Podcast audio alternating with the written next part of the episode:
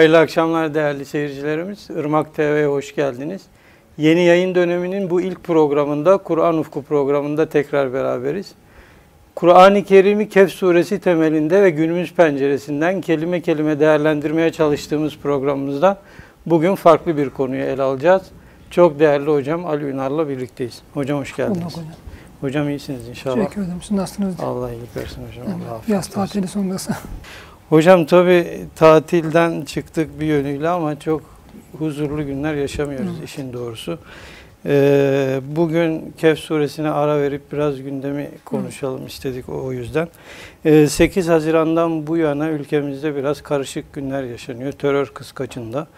Ee, bunun temellerini anlama adına ilk olarak hocam e, İslam'ın devlet anlayışını öğrenmek istiyorum ve Kur'an-ı Kerim'in çizdiği bir devlet sistemi var mı? Veya bu noktada Kur'an bize ne ifade ediyor? Vaaz ettiği adaletli, hakkaniyetli bir sistem adına. Ee, bunu sorarak başlayıp törerle devam edelim hocam. Şimdi bu çok tartışılan bir mevzu. Biraz da bir asırdır İslam dünyasında. İslam'da yönetim veya İslam'da devlet. Özellikle e, neo-selefilik veya İslamcılık denilen akımın İslam adına temele oturttuğu bir mesele bu. Fakir bunu bazı yazılarımda olsun hatta bazı kitap çalışmalarında Evet. ele almaya çalıştım bu mevzuyu. Ee, bu geçen sene yazın Ağustos ayında zannediyorum işte yayına giren ve içinde bulunduğumuz şu süreci değişik açılardan ve biraz İslami yönden de irdelemeye çalışan Köprüden Önce Son Çıkış kitabında Evet. bu konuda İslamcılığı e, devlet meselesine ele alan bir bölüm var. Ayrıca bir bölümde e, şu anda Türkiye'de bulunan iktidar, onun başındaki şahıslar Kur'an-ı Kerim çerçevesinde kendileri ve İslami temellerde kendilerine mutlak itaat edilmesi gereken ülül emir veya bir veliyül emir midir? Onun Halife. içinde ayrı bir bölüm var. 13. bölüm olmuş. Biraz bunu ona havale ederek fakat ben hani İslam'da devlet var mıdır yok mudur bu tartışmaya çok girmek istemiyorum. Yani veya ne zaman devlet olur ne zaman olmaz. Ama Kur'an-ı Kerim'de e, tabi İslam efradını cami, ayyarını mani, içine alması gereken her şeyi içine alan, dışta bırakması gereken her şeyi dışta bırakan e, külli ve tamamen cami bir din. Yani dünya hayatımızı tanzim adına bütün kaideler İslam'da yer alır. Ya hem ferdi hem Hem toplumsal. toplumsal hem ekonomik hem siyasi bugünkü yani ifadelendirmelerle e, hepsini İslam e, içine alır ve bunun Evet. düsturlar vaz etmiştir. Kur'an-ı Kerim'de bu düsturları açık olarak görürüz. Fakat Kur'an-ı Kerim'de şu yoktur. Yani bir devlet sistemi, işte o demokrasi mi olacak, cumhuriyet mi olacak, ne bileyim bir e, krallık mı olacak, e, hali hilafet mi olacak? Böyle bir şey Kur'an-ı Kerim'de net olarak görmüyoruz. Fakat Kur'an'ın vaaz ettiği düsturlar çerçevesinde baktığımızda çok e, bazı gerçekler görebilir ve buradan sonuçlara varabiliriz. Yorumlarla. Evet, e, bu şahsi indiği bir yorum olmaz. Yani Kur'an-ı Kerim'in bize açtığı pencereden meseleye girdiğimizde yani varılan sonuçlar da işte Kur'an-ı Kerim şöyle bir devlet yapısını e, bize emrediyor veya tavsiye buyuruyor denebilir. Ama isim olarak mesela Kur'an-ı Kerim e, üçlü bir, e, üç basamaklı bir e, adeta e, süreç vaaz eder. Mesela e, Hz. İbrahim için kullanılan bir tabir vardır. İmam tabiri. E, Bakara suresi 126. ayette olacak. Yanlış hatırlamıyorsam. İbrahim'i kelimelerle imtihan ettik diyor. Yani kelime demek ke- kelimenin kelime manası, Arapçada Evet. sözcük manası yara demektir. Yani iz bırakan şeydir kelime. Dolayısıyla hani buradaki kelimelerden kasıt onun geçirdiği ağır imtihanlar ve onda onda ve tarihte iz bırakan bazısı e, derim çok güzel, bazısı hançer gibi gelip insana saplanan hatta kaldırılması ağır imtihanlar ki mesela daha çok e, gençlik yaşında ateşe atılması ve sonra e, hicrete mecbur kalması, doğduğu, büyüdüğü yerlerden hicrete mecbur kalması, bir peygamber Kur'an-ı Kerim'in tabiriyle evvah ve münip yani Allah'a çok ağlayan, çok sızlayan, çok şefik, çok e, refik ve çok e, merhametli, şefkatli bir peygamber olarak Böyle tasvir edilen Kur'an-ı Kerim'de. Ve dolayısıyla yeğeni Hz. Yunus Aleyhisselam'ın kavminin helakini görmesi, yaşaması. Sonra e, hicret et, et, etme zorunda kalıp bu defa e, uzun yıllar, o gençlik, olgunluk hatta yaşlılık yılların önemli bir bölümünü evlatsız geçirmesi. Daha sonra çok yaşlı çağında Cenab-ı Allah'ın kendisine verdiği göz nuru bir evladını Evet. kesme emriyle karşı karşıya kalması. Sonra o evladını annesiyle beraber kuşuşmaz, Mekke. kervan geçmez, ot bitmez o Mekke vadilerinde bırakma emriyle karşı karşıya gelmesi. Bunun gibi çok ağır imtihanlardan geçtikten sonra Cenab-ı Allah bunların hepsinde muvaffak oldu diyor. Yani çok hususi bir peygamber ve buna karşılık biz onu diyor ey İbrahim seni insanlara imam kılacağız. İnni câlüke linnâse imâme. Yani dedik seni insanlara imam kılacağız dedik. O da gâle min zürriyeti yani benim neslimden de imamlar kıl. Gâle la yenâlu ahdi zalimin. Evet senin neslinden imamlar kılacağım. Çünkü Hz. İbrahim'den sonra bütün peygamberler onun iki mübarek oğlunun neslinden Hz. İsmail, Hz. İshak neslinden gelmiştir. Yani bütün insanlara imam olmuşlar. Adeta insanlığı Hz. İbrahim'den sonra İshak veya İsmail soyundan gelenler, Semitik kavimler denilen bunlar idare etmiştir diyebiliriz. Yani tarihe bu gözle bakılırsa çok yanılmayız yani. Gerek e, zahiri gerek batında insanları önce özellikle ya İshak soyundan ve Hz. İsmail soyundan gelenler rehberlik ve yapmışlardır. Yani Ee, rehberlik derken devlet başkanlığı Devlet başkanlığı da olarak hem o olarak hem manevi hem e, ilmi noktada İki bu iki şeyden gelenler Evet. yapmışlardır. Bugün dünyaya baktığımızda bunu görebiliriz. Ve e, fakat bunların içinde zalimler de gelecek. Fakat imamların iki imamlar vardır. Bunlardan birisi Cenab-ı Allah ateşe çağıran imamlar diyor. Rehberler vardır. Fakir bunu birkaç hafta önce gazetede kör kılavuzlar. Evet, kör Yani e, Kur'an-ı Kerim'de kullanılan bir tabirdir bu. Hz. İsa'nın da yine kullandığı bir tabir. Dünyada kim körse, yani kim e, arkasından gitmesi gereken rehberi bulamamışsa, ahirette de kör haşrolur diyor Kur'an-ı Kerim. Bu Hz. İsa Aleyhisselam da ey kör kılavuzlar der. Kendi döneminin o ulemasıyla alakalı. Şimdi e, bir böyle ateşe çağıran imamlar vardır. Mesela Firavun ve diyor ailesini biz böyle ateşe çağıran imamlardan kıldık. Bir de insanları cennete çağıran, Allah'a çağıran imamlar vardır. İşte Hz. İbrahim neslinden ya Hz. İbrahim'in istediği seviyede imamlar Cenab-ı Allah zalimlere diyor benim bu imameti vermem. Ama onun neslinden gelen bir takım zalimler de maalesef insanları ateşe çağıran imamlar, rehberler de gelmiş. Şimdi ama İslami manada imamlık demek ki birinci derecede zalim olmayacak. Yani imam, adil olacak. Şimdi bir imam ikinci derecede Kur'an-ı Kerim halifeden bahseder. Hazreti Davud. İnsanlara seni Hazreti Davud'a diyor hilafet verdik. Hilafetin de insanlar arasında adaletle hükmetme misyonu. Yani buna hilafet diyor Kur'an-ı Kerim.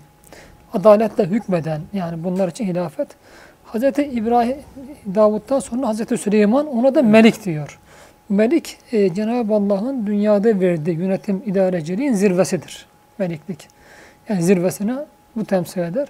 Demek ki İslam'da yani bir imam da olur. E, imamın fakat mutlaka devlet başkanı olması zaruri değildir. Evet. Devlet başkanı olur fakat tamamıyla Hz. Süleyman'da olduğu gibi tam bir saltanat, hilafetin saltanatı diyor Bediüzzaman Hazretleri. Buna çok güzel bir tabir ki Hz. çünkü Kur'an-ı Kerim Hz. Davud'a halif halife, Hz. Süleyman'a melik diyor. Şimdi demek ki İslam'da yani şartlara göre, duruma göre, dünyanın genel ahvaline göre eğer yani e, adaletle hükmetmeleri kaydıyla ki bunun Kur'an-ı Kerim'de inşallah arz etmeye çalışacağım Adalet e, arz etmeye çalışacağım bazı şartları vardır. Bu şartları taşımak kaydıyla şartlar da ona el veriyorsa halife de olur yani melik de olur. Hani bazıları biraz da İslamcılar İslam'da saltanat yoktur falan. Bunlar tamam hiçbir zaman İslami Kur'an'ı şeyler değil. Ama Yani- yoktur demek ki vardır da denilebilir De, mi tabii hocam? işte İkisi ediyorum. de Kur'an-ı Kerim zikrediyor yani. insanlara Kur'an-ı bırakılmış. Kerim zikrediyor. Şartlara bağlıdır tamamen. Şartlara bağlıdır. Bir Hazreti Süleyman gibi başımızda melik olsun, ayağının altını öpelim. Hazreti Davud gibi halife olsun, ayağının altını öpelim. Şimdi hani tarihe baktığımızda bunların bir iz düşümü vardır bize gölgesi. Evet. Fatih, Yavuz ve Kanuni. Mesela birisi bir manada, Hazreti Fatih'e bir manada bir imam gibi bakabiliriz. Çünkü bir kurucu özelliği var. Hazreti Yavuz bir halife hilafeti getirmesi çok enteresandır. Hazreti Davud'la başlayan, Hazreti Ömer'le Evet. Ki Kudüs'le bağlantılıdır çok bu ha- hadise. E, Hazreti Yavuz halife, Hazreti Kanuni de hakikaten cihan çapında bir e, meliktir bir manada öyle bakılabilir. Şimdi dolayısıyla olmayacak diye bir şey İslam'da yok. Ama e, bugünkü şartlarda hani baktığımızda e, İslam adına bir e, meliklik gibi bir şey kavramı üzerinde çok duramayız. Yani çünkü tarihi şartlar bunu belirler. Yani devletin şeklini İslam'da tarihi şartlar belirler. Mutlak manada şöyle olacak diye bir şart ileri sürülemez. O- Ama Allah burada İslami idarenin Kur'an-ı Kerim'de düsturlarını vaz eder. Bunu Risale-i Nur'da da görürüz. Hazreti Üstad için hani çok tartışmalar oluyor. Yani işte Üstad şu- illa şu partiye rey vereceksiniz dedi veya rey verdi. Evet kendi zamanında Demokrat Parti'ye vermişti. Partiler konusunda açıklamalarda bulmuş. Fakat Demokrat Parti'ye niye vermiş? Niye? Yani işte ona bakmak lazım. Ona bakmak lazım. Daha sonra Üstad'ın tavrını anlamak için üç tane üzerinde duracağım inşallah. Üç tane sıfat zikreder Üstad tercih adına. Bir partiyi tercih eden üç sıfat zikreder Türkiye ortamında. Çünkü Türkiye bir İslam devleti değil, layık bir devlet. Yani mesela bu şartlarda yani Türkiye ortamında idare iyi bir idareci seçme adına onlarda üç tane sıfat zikreder ki bunu inşallah arz edeceğim. Şimdi Hocam şu şu ana kadar anlattıklarınızdan şunu mu anlamamız lazım? E, Kur'an-ı Kerim ve sünnette aslında bir devlet sistemi Şekli. şöyle şekli olarak şekli yok yoktur. ki Kesin bir devlet tayin edilmiş şekil yoktur emredilmiş. öyle bir şey yok. Şartlar belirler. şartlar Şekli belirler. şartlar belirler. Fakat şeklin içine dolduracak muhteva önemlidir İslam'da. Bir de O hocam muhteva o muhtevayı da aslında soracağım. E, mesela o biraz önce saydığınız terimler diyelim meliklik gibi. E, bu kavramlar bunun gibi birkaç kavram var. İşte şura, emri bil maruf, tevhid. Bu kavramlar etrafında tamamen deliller bu kavramlardan mı çıkarılıyor? Yani yok, bu- yok, hayır. Yani bu kavramlardan işte hilafet, imamet, meliklik gibi şeyler bunlar bir manada şekli ifade ediyor.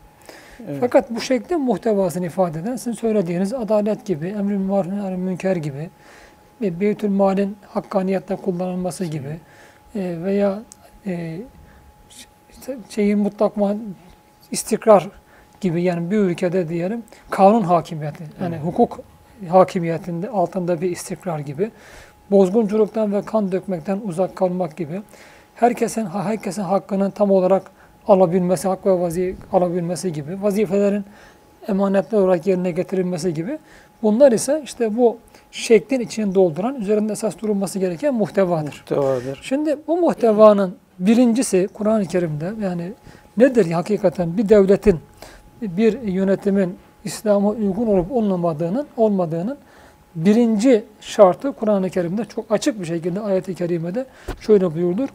Ee, Nisa suresi 58. ayette İnna Allaha ya'murukum en tuaddu en tuaddul emanati ila ehliha. Bakın birinci şart budur. Emanetin Yani. Allah size emanetleri ehline vermenizi emretti. Bu İslam'da olmazsa olmaz bir şarttır. Her meselede. Her meselede. Yani ehliyet. Ehliyet. Mesela bir yere öğretmen seçerken, işçi seçerken, kapıcı seçerken, müstahdem seçerken, ne bileyim idareci seçer, vali kaymakam tayin ederken, kumandan tayin ederken, başbakan seçerken, bir partiye rey verirken ne olursa olsun birinci derecede gözetilmesi gereken mesele ehliyettir. Yani bu insan gerek bilgisiyle, gerek o işi yapabilme kabiliyetiyle, gerekse takvasıyla yani o işi Hı. kendisinden istenilen o vazifenin gerektirdiği şekilde yapabilecek bir iç donanımıyla, bir manevi ilmi donanımıyla bu insan hakikaten buna layık mı ona verir mi? Yandaşlık Evet. değil yani. Yanında katiyen zaten belki yani İslam'daki uygulamalardan gördüğümüz yandaşları ehliyetli de olsa dışta bırakma. Aynı seviyede ehliyetli varsa yandaşların başkasının dışında diğerlerini ter- tercih etme.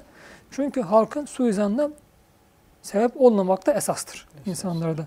Şimdi bakın burada Kur'an-ı Kerim bunu ifade, ifade ederken mesela bir kumandan, mesela savaşa giden bir kumandan, işte Talut'ta o diyor size Cenab-ı Allah İsrailoğullarına itiraz edince o ilim ve cisim bakımından sizden üstündür. Kumandanına layıktır. Mesela iki şart orada koyuyor ehliyet adına.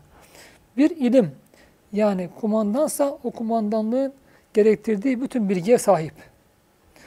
Vali ise valinin gerek, valiliğin gerektirdiği donanıma sahip. Kaymakamsa kaymakamlığın gerektirdiği, öğretmense öğretmenliğin, doktorsa doktorluğun, Yani neyse hakimse hakimliğin bütün bu donanıma sahip olması lazım ehliyet için bir. Birinci İkincisi cismen diyor. Yani buradaki cisimden kasıt demek kumandanlığın gerektirdiği bu ilim bilgiden sonra bir de mesela o vazife diyelim bu insanlara hükmedebilecek, insanlara tesir edebilecek bir şekil gerektirir. Ne bileyim hani sesinden görüntüsüne kadar, ma- manzarasının görüntüsüne kadar veya sahip güçten kuvvete kadar. Yani Ya, il- ilmi şeyin yanında idari bilgi. idari ilmi ve idari yani idare ilmini bilecek. Evet. Bir de hakikaten yani baktığımız zaman yani güç ve kuvvet ve dirayet sahibi olacak. Evet. Dirayet yani oradaki bir de o işin dirayet sahibi olacak. Mesela böyle bir Kur'an-ı Kerim orada çok acayip. İlim ve cismen diyor. O diyor buna layıktır. Kumandanlığa layıktır Talut için. İşte burada birinci olarak eğer emaneti ehline vermemek münafıklığın hadiste geçen bir rivayette üç, bir rivayette dört şeyinden biridir.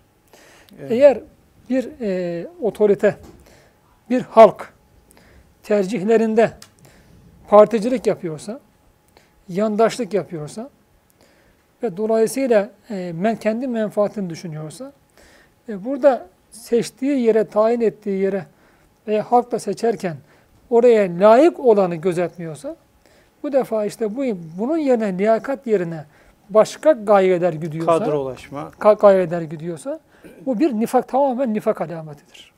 Kur'an hadiste çok açık ve Kur'an-ı Kerim önce diyor ema- emanetleri ehline vermenizi emretti. Birinci şart.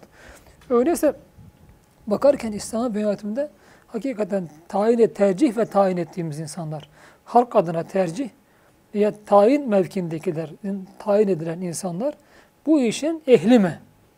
Bu işin ehli mi? Birinci şart budur. Ha bundan sonra bakın çok Kur'an-ı Kerim devam ediyor. Ehline verdikten sonra ve izâ hakemtum beynen nâsi en tahkumu bil adil. Adalet. İkinci şart, ikinci şart bu görevi yerine getirirken ve bu görev yerine getirilmesi esnasında ortaya çıkacak anlaşmazlıkları giderme adına. Giderme adına. Şimdi mesela bugün diyelim hani Türkiye'de bir cemaatte AKP kavgası var deniyor. Ben meseleyi bu kadar basit görmüyorum. Ayrı mesele. Ama burada bakın Kur'an-ı Kerim böyle bir müminler arasında eğer diyor hani bir anlaşmazlık olduğunda diğer müminlere aralarını bulun diyor. Neyin üzerine? Bir gıst. Bakın kıst adaletten daha öte. Kılı kırk yararcasına diyor.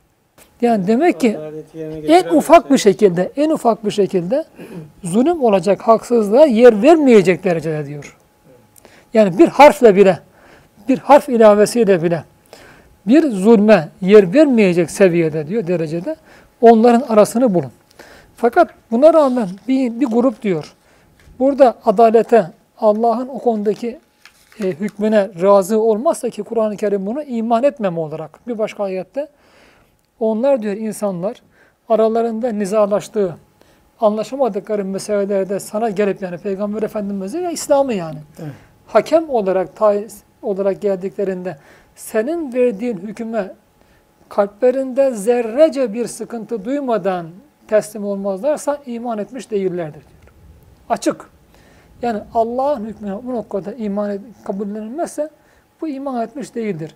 İşte Kur'an-ı Kerim bir grup buna rağmen diyor diğerine bağ yetmeye, aleyhinde hala olmaya çalışıyorsa hep beraber o diyor karşı taraf Allah'ın hükmüne gelinceye kadar onunla savaşın diyor. Bak savaşın diyor Kur'an-ı Kerim.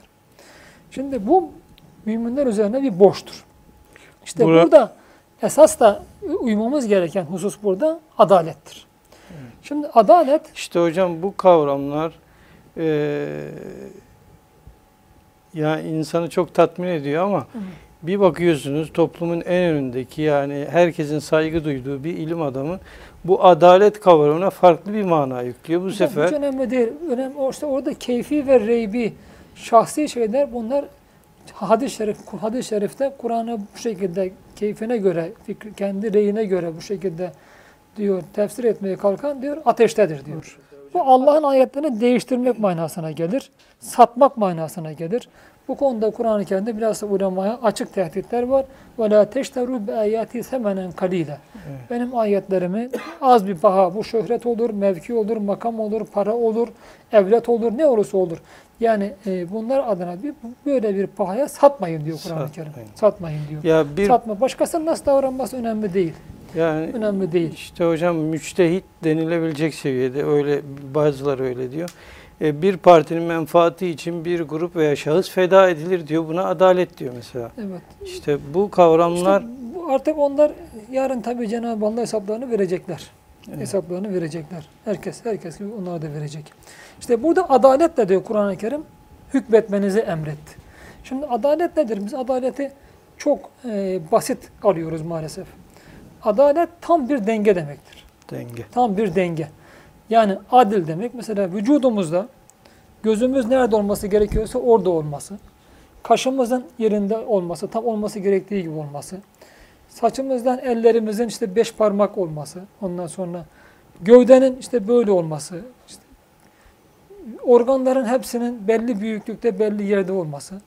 Kanımızı oluşturan pek çok maddelerin, minerallerin hepsinin olması gereken seviyede olması. Çünkü o miktarı aştığı zaman veya altında kaldığı zaman hastalık alameti Evet. biliniyor biliyorsunuz kan tahlillerin. Yani bütün bunlar ve hepsi bunlar adalet demektir. Yani her şeyin yerli yerinde Yerli ve yerinde gereken miktarda, kadar. gereken ni- nitelik ve nicelikte olması adalet demektir. Bu bakımdan kainata baktığımızda Kur'an-ı Kerim eğer diyor en küçük bir rift, mesela o İngilizce olarak riftlerim aklıma gitti. Orada diyor en küçük bir çatlaklık diyor e, bulamazsın. Bir, bir defa diyor yüzüne çevir diyor. Yine diyor orada bir çatlaklık bulamazsın. E, Tebareke suresinde. Evet. Yani kainatın hiçbir tarafında, hiçbir yerinde, zerresinde Cenab-ı Allah'da en ufak bir zulüm yani adalet dışı bir şey yoktur. Her şey olması gereken yerde. Mesela Hazreti Üstad bu konuda çok güzel bir şey söyler. Vücudumuza her dakikada belki sayısız denebilecek hava zerreleri giriyor. Evet. Hava zerreleri girdiği gibi günde kaç defa su ve ekmekten, diğer yediğimiz yemeklerden zerreler giriyor.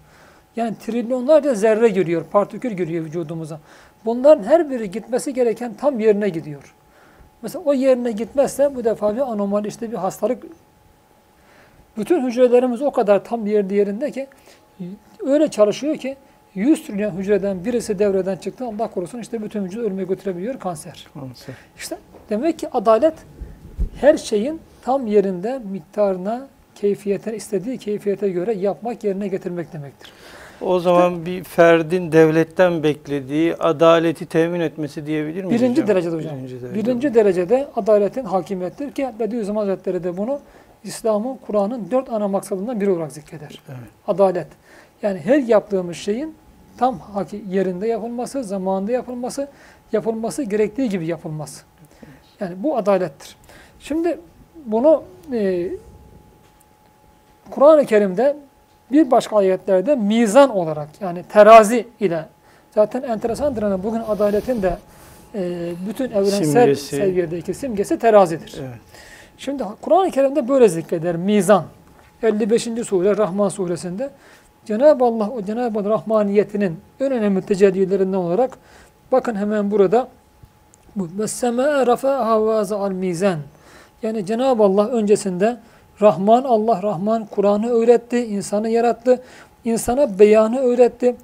Kamer ve şey, gü- şey güneş ve kamer bir hesap üzerinde. Yani onların da takip ettiği bir sistem vardı. Çok yer tam oturtulmuş. En ufak bir e, şey olmayan, sapma olmayan bir denge üzerindedir. Bir hesap üzerinde onlar hareket eder diyor. Cenab-ı hesap üzerindedir. Ve e, yıldızlar ve ağaçlar diyor Allah'a secde ederler. Ona tam her şey yani yıldızlardan ağaçlara bütün kainat Allah'a tam bir itaat içinde hareket eder. Allah diyor semayı yükseltti ve mizanı vaz etti. Bakın. Elle tedva fil mizan ve siz ey insanlar bu mizanda diyor en ufak bir şeye gitmeyin. Yani aşırıya gitmeyin. Bu mizanı çiğnemeyin. Bakın bunun için işte yeryüzünde insanın e, daha önce de zannediyorum üzerinde durmuştuk. Yani hilafet vazifesi insanın işte bu mizanı aşmaya Kur'an-ı Kerim fesat diyor, bozgunculuk. Ve zaharer fesadu fil arzı fil behri vel bahr. Yani karada ve denizde bir kesebet eydin nas. İnsanların diyor kazandığı günahlardan dolayı, yaptıkları hatalardan dolayı gerek Allah'ın dini şeriata, gerekse şeriatı fıtriye, Allah'ın yeryüzünde ve kainatta koyduğu kanunlara itaatsizlikten dolayı denizlerde, sularda ve karada bozgunculuk çıktı diyor Allah.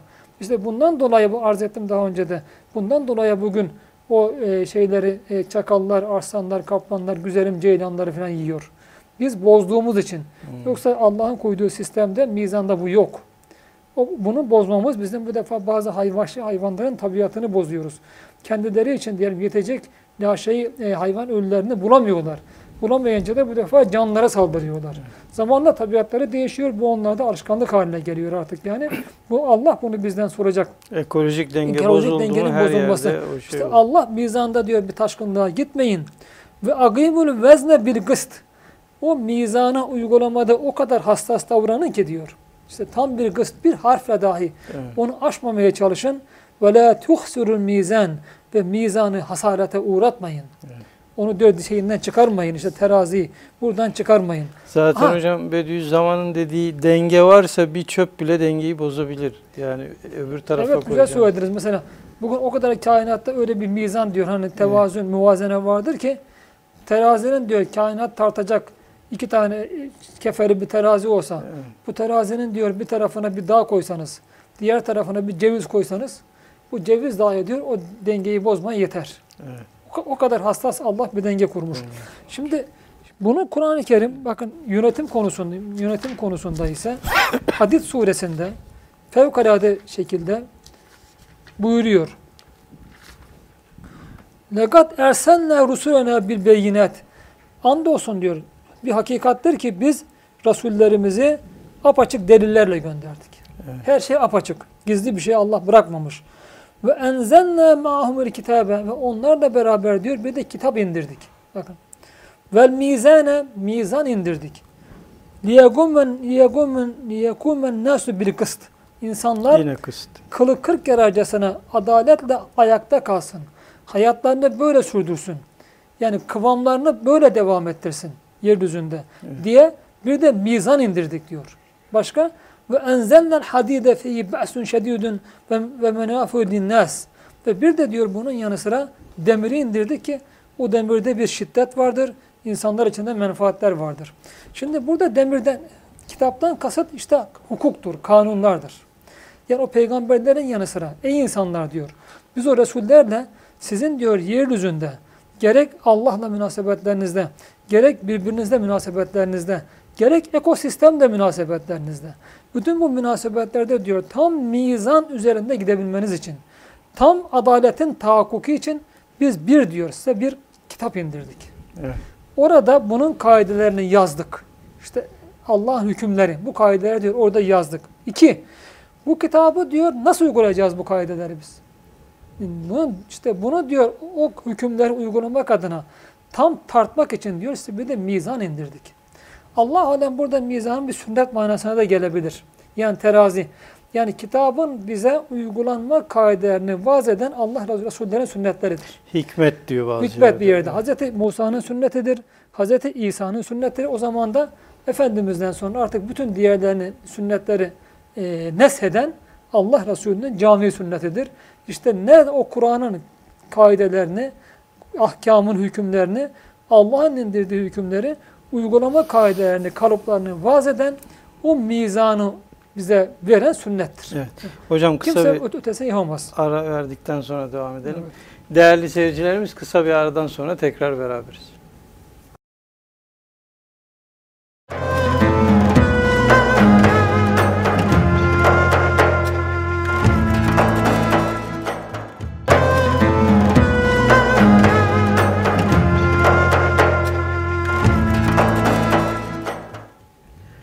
Değerli seyircilerimiz tekrar beraberiz.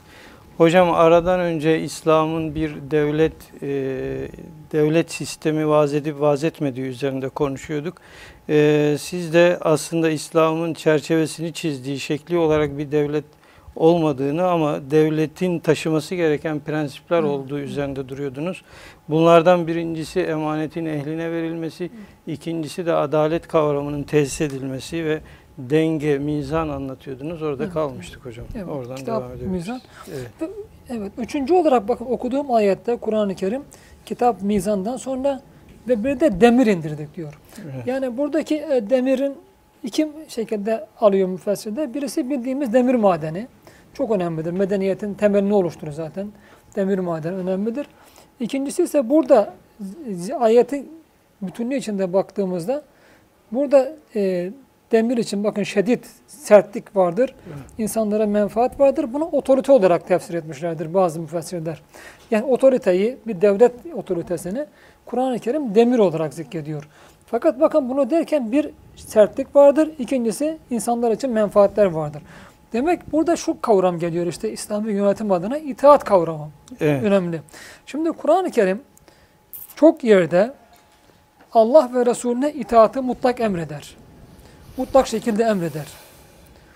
Fa- e, Fakat Evet. bir de ürün emre işte yani yöneticilere itaat meselesi vardır ki daha önce okuduğum emanetleri ehline vermenizi ve hükmettiğinizde insanlar arasında adalet hükmetmenizi emreder ayetinin devamında Cenab-ı Allah şöyle buyuruyor. Bakın yine aynı ayette bağlantılı olarak Ya eyyühellezine amenu ey iman edenler, müminim diyenler, mümin ikrarında, iman ikrarında bulunan, müminlik iddiasında bulunanlar.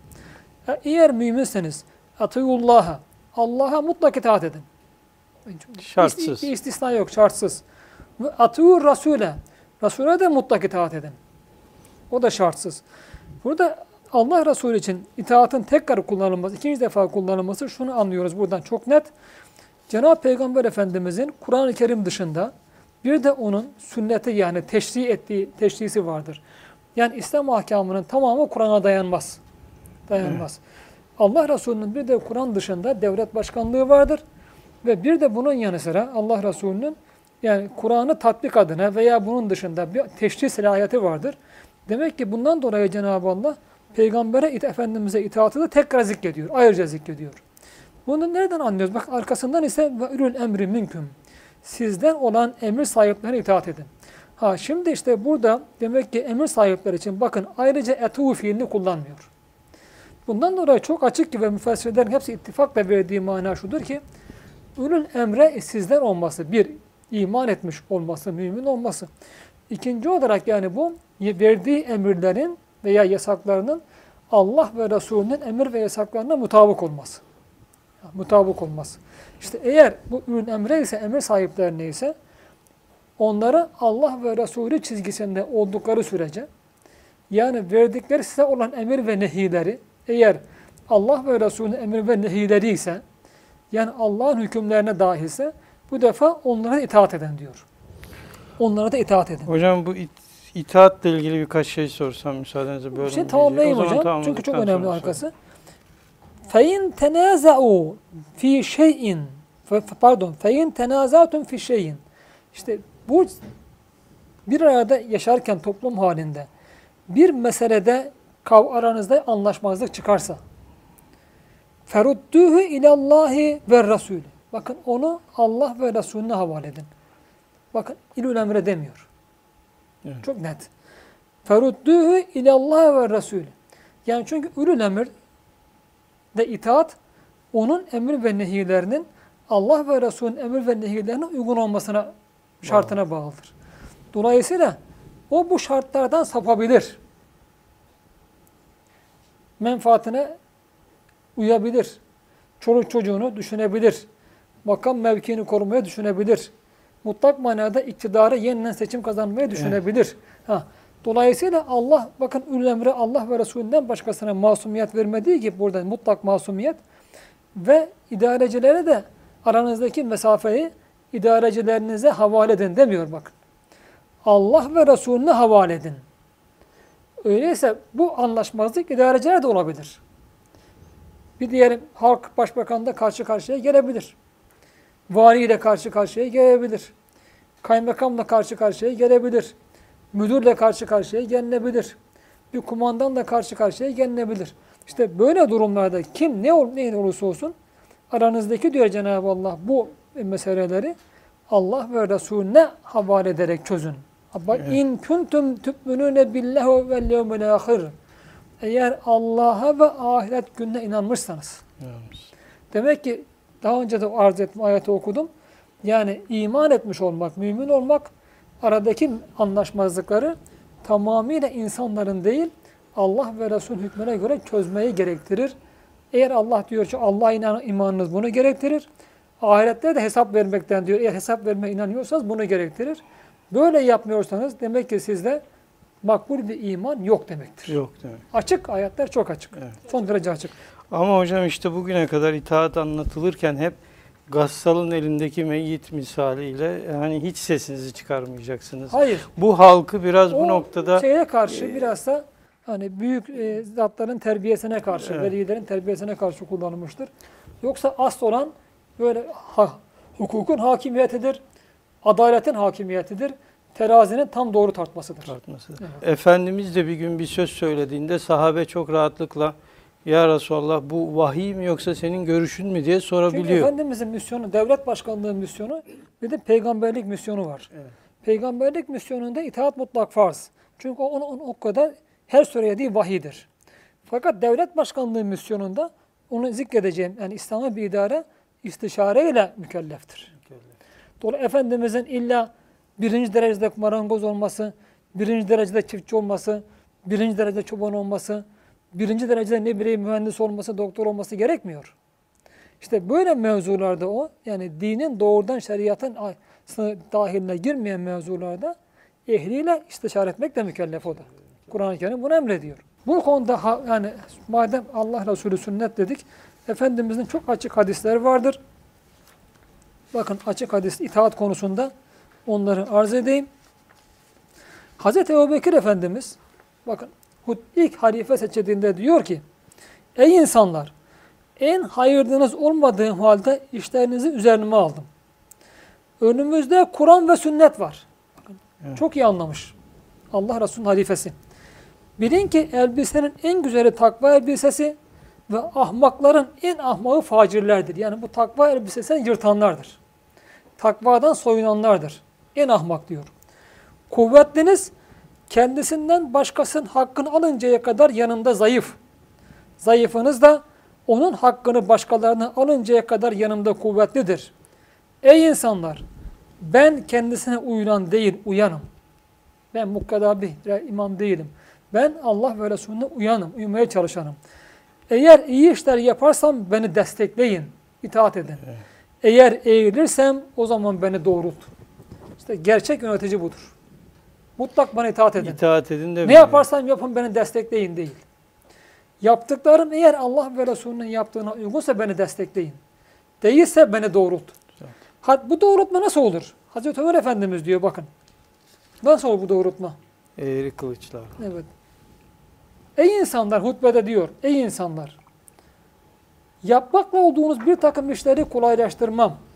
Yani size emredilen ve yasaklananlarda kendime göre değişiklikler yapmam konusunda ne dersiniz? Allah ve Resulü başka buyuruyor İslam. Fakat diyor ben başka şekilde buyurursam ne dersiniz? Yani kendime göre bir emir ve nehide bulursam ne dersiniz? İki defa demek anlayamıyor çok cemaat kastını. Bir şey bir cevap yok. Üçüncü defa bunu söylediğinde en zayıfı kılıcına cemaat içinde en zayıf biri kılıcına dayanarak doğruluyor. Eğer böyle yapmaya kalkarsan eğri oklara doğrulttuğumuz gibi seni de doğrulturuz diyor. Evet. Bak. Şimdi burada Hazreti Ömer Efendimiz bakın ne diyor. Allah'ım diyor. Bu cemaatte eğrildiğimde beni doğrultacaklar var. Hamdolsun sana diyor. İşte ölçü kendisine. Acaba beni doğrultacak var mı? Yoksa Hazreti Ömer öyle bir cemaate halife, halifelik yapmaz. Nitekim hocam yaşlı bir kadın bile kalkıp evet, şey öyleyse yapabilir. gerçek manada bir idareci, halkından itaat isteyen bir idareci, yaptığı hatalar karşısında daima kendisini doğrultacak müşavirler, danışmanlar bulmalı ve halk da kendisini ikaz ettiğinde bu defa hakikaten bu ikaz doğruysa Allah'ım böyle halkım var iyi, iyi ki diye Allah'a hamd etmeli. Ama işte böyle idarecilerin olması da yine halkın kendisine bağlıdır. Hazreti Ali Efendimiz e, de diyor ki birisi e, neden diyor Ebu Bekir Ömer zamanında fitneler yoktu da e, Osman ve senin zamanında fitneler baş gösterdin. Hazreti Ali'ye Hazreti Ali Efendimiz diyor ki çünkü diyor Ebu Bekir ve Ömer'in diyor halkı Osman ve benim gibilerdi. Benim halkımsa sizsiniz diyor. Haccaca diyorlar ki sen niye bu kadar kan döküyorsun? Niye Ömer gibi olmuyorsun? E, siz diyor Ömer'in tebaası gibi olun, onun halkı gibi olun, ben de Ömer gibi olayım. Nasılsanız Ha, öyle. öyle idare edilirsiniz. Bu Kur'an-ı Kerim'de çok açık. Sütün Bir kaymağı. millet diyor kendini değiştirmedikçe Allah durumlarını değiştirmez. İşte eğer bugün Türkiye halkı başında iyi dereceler istiyorsa kendisini o iyi dereceler istika iyi idarecilik istikametinde değiştirmesi lazım. Bunun için de gerçekleri öğrenmesi lazım. Gerçekleri öğrenmesi için de tek taraflı bir medyayı değil, iki taraflı olarak takip, takip etmesi lazım. Eğer maksadı hakikatse, maksadı doğruluksa, maksadı adaletse halkın ve maksadı diyelim kendi menfaati değilse, particilik değilse iki tarafı da okuyup dinlemesi lazım. Ona göre doğru neyse karar vermesi lazım. Yoksa o hakta Allah muhafaza yanlışa götüren o imamların, rehberlerin, idarecinin arkasından yarın Allah muhafaza ateşe sürüklenebilir. Sürüklen. Bunlar bize işte Kur'an'ın yöneti, gerçek İslam yönetim adına öğrettikleri bunlar. Bakın Hazreti Ömer bugün Hazreti Übey bin Kap, o da ikisi de sahabeden. Bir mesele aralarında konuşurken Übey bin Kap diyor ki yalan söylüyorsun. Hazreti Ömer'e diyor, halifeye Hazreti diyor. Ömer'e. Yandaki meclisteki biri diyor ki niye emir-i mümine böyle yalan söylüyorsun diyor. Hazreti Ömer diyor ki bırak diyor konuşsun. Übey bin Kab da diyor ki Allah Resulü'nün yalanlandığı yerde ben diyor Ömer'i tasdik edemem. Ömer'in söylediği diyor Allah Resulü'nün söylediğine aykırıydı, sünnetine aykırı. Onun yalanlandığı yerde ben diyor şeye e, Ömer'i tasdik edemem. Yine bir zat bir gün Hazreti Abdullah İbni Ömer'e geliyor. Diyor ki biz idarecilerimiz yanında oturuyoruz. Artık dört halife dönemi gitmiş. Belki Yezid dönemi. Oturuyoruz bunların yanında. Onların diyor onlardan doğru olmayan sözler işitiyoruz. Sonra onları destekliyoruz. Onların diyor zulümlerine diyor ses çıkarmıyoruz.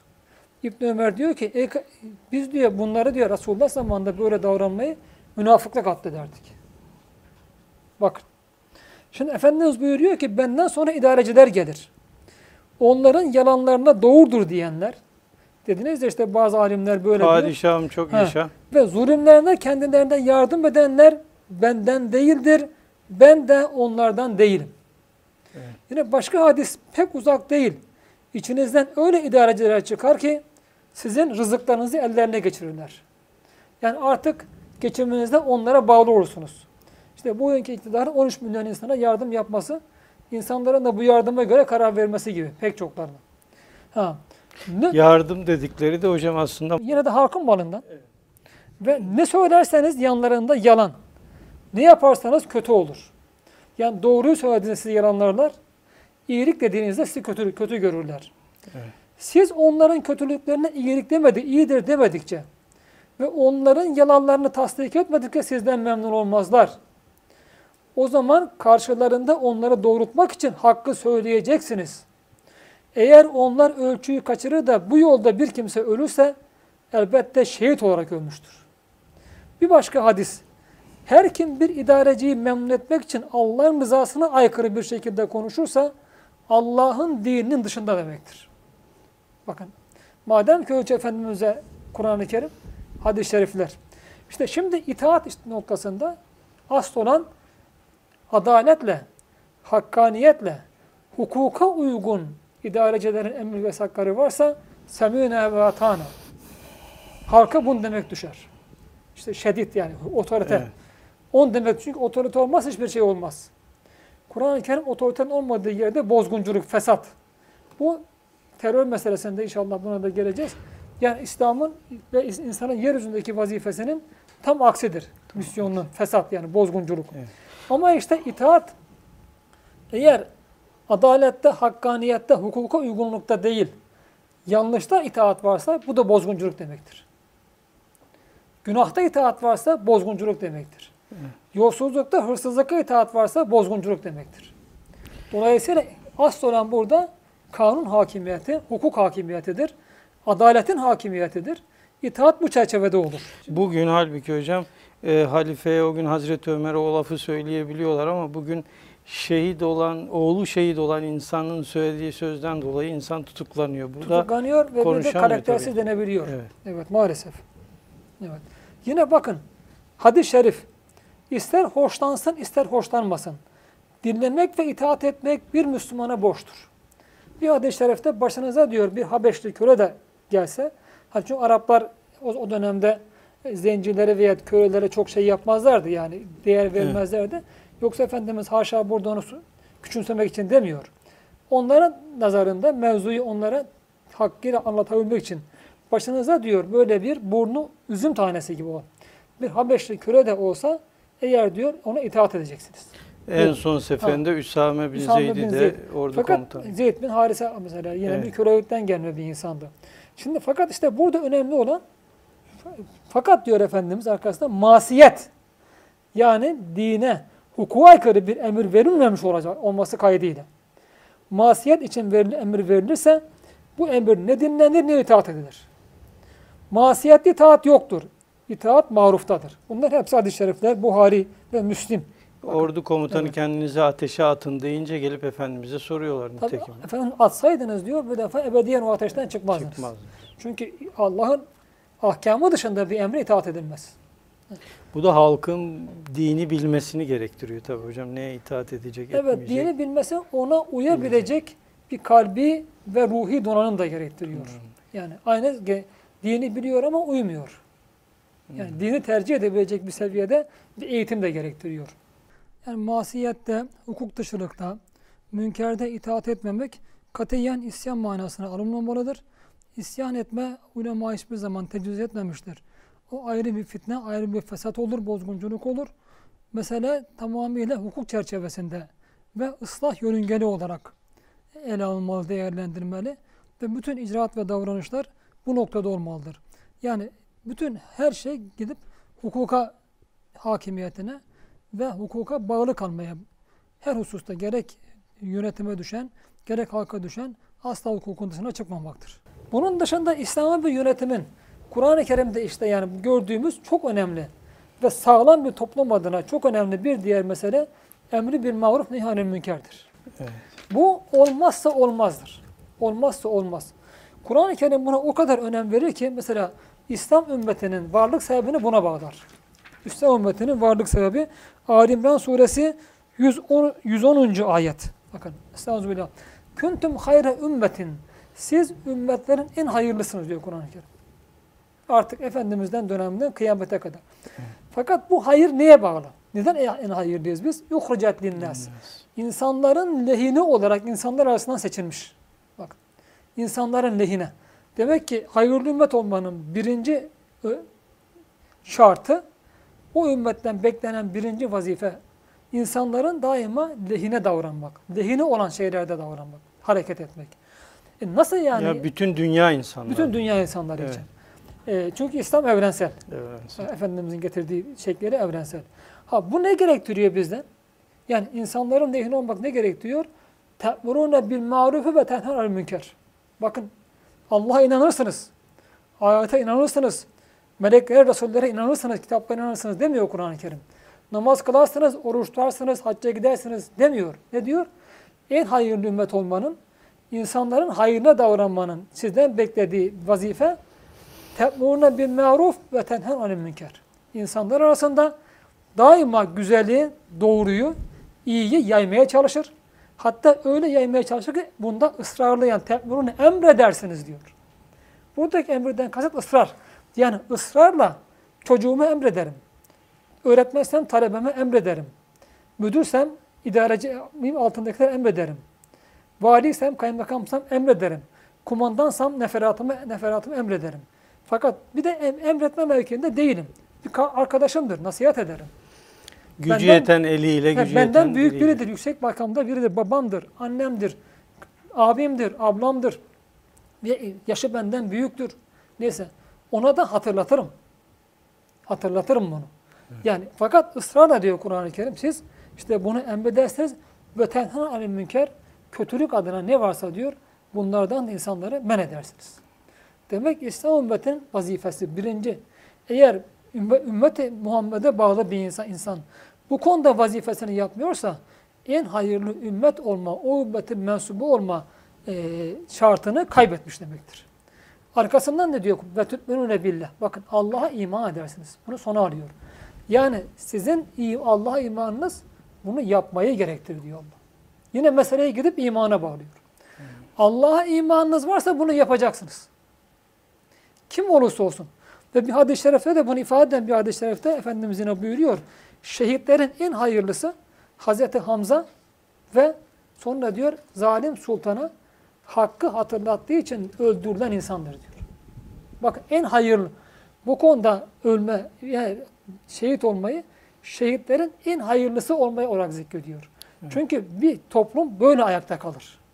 Başka türlü ayakta kalamaz. Böyle ayakta. Ve halkın her birine vazifedir bu. Bütün Müslüman ümmetin her bir ferdine vazifedir.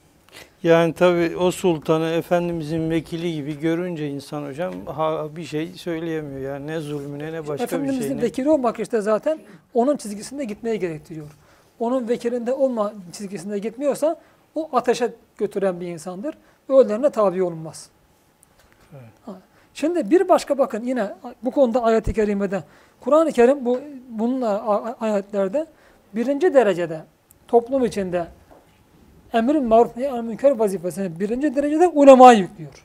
Bakın vel teküm minkum ümmetun. İçinizde diyor bakın önce bütün İslam ümmetine yükledi vazife olarak. Herkesin burada bir vazifesi vardır yapabileceği. Fakat bir de daha hususi vazifeler vardır ki mesela diyelim bunu daha bilerek yapacak. Bilmesi gerekir. Daha bilerek yapacak. Daha önemli onun diğerlerinden daha fazla üzerine düşen vazife. Burada Efendimiz Kur'an-ı Kerim buyuruyor ki içinizde diyor bir topluluk bulunsun. Ey Muhammed ümmet. Evet. İçinizde bir ümmet yani ay, insanlar içinde siz böyle bir toplumsunuz. Sizin içinizde de bir topluluk bulunsun ki ne yapsın bunlar? Yet'une ilel hay- ilel hayri ve yetmurune bil maruf ve yenhenu anil münker. Bu topluluk diyor insanları hayra çağırsın. iyilik, güzellik, adalet, hakla emretsin. Her türlü kötülükten men etsin.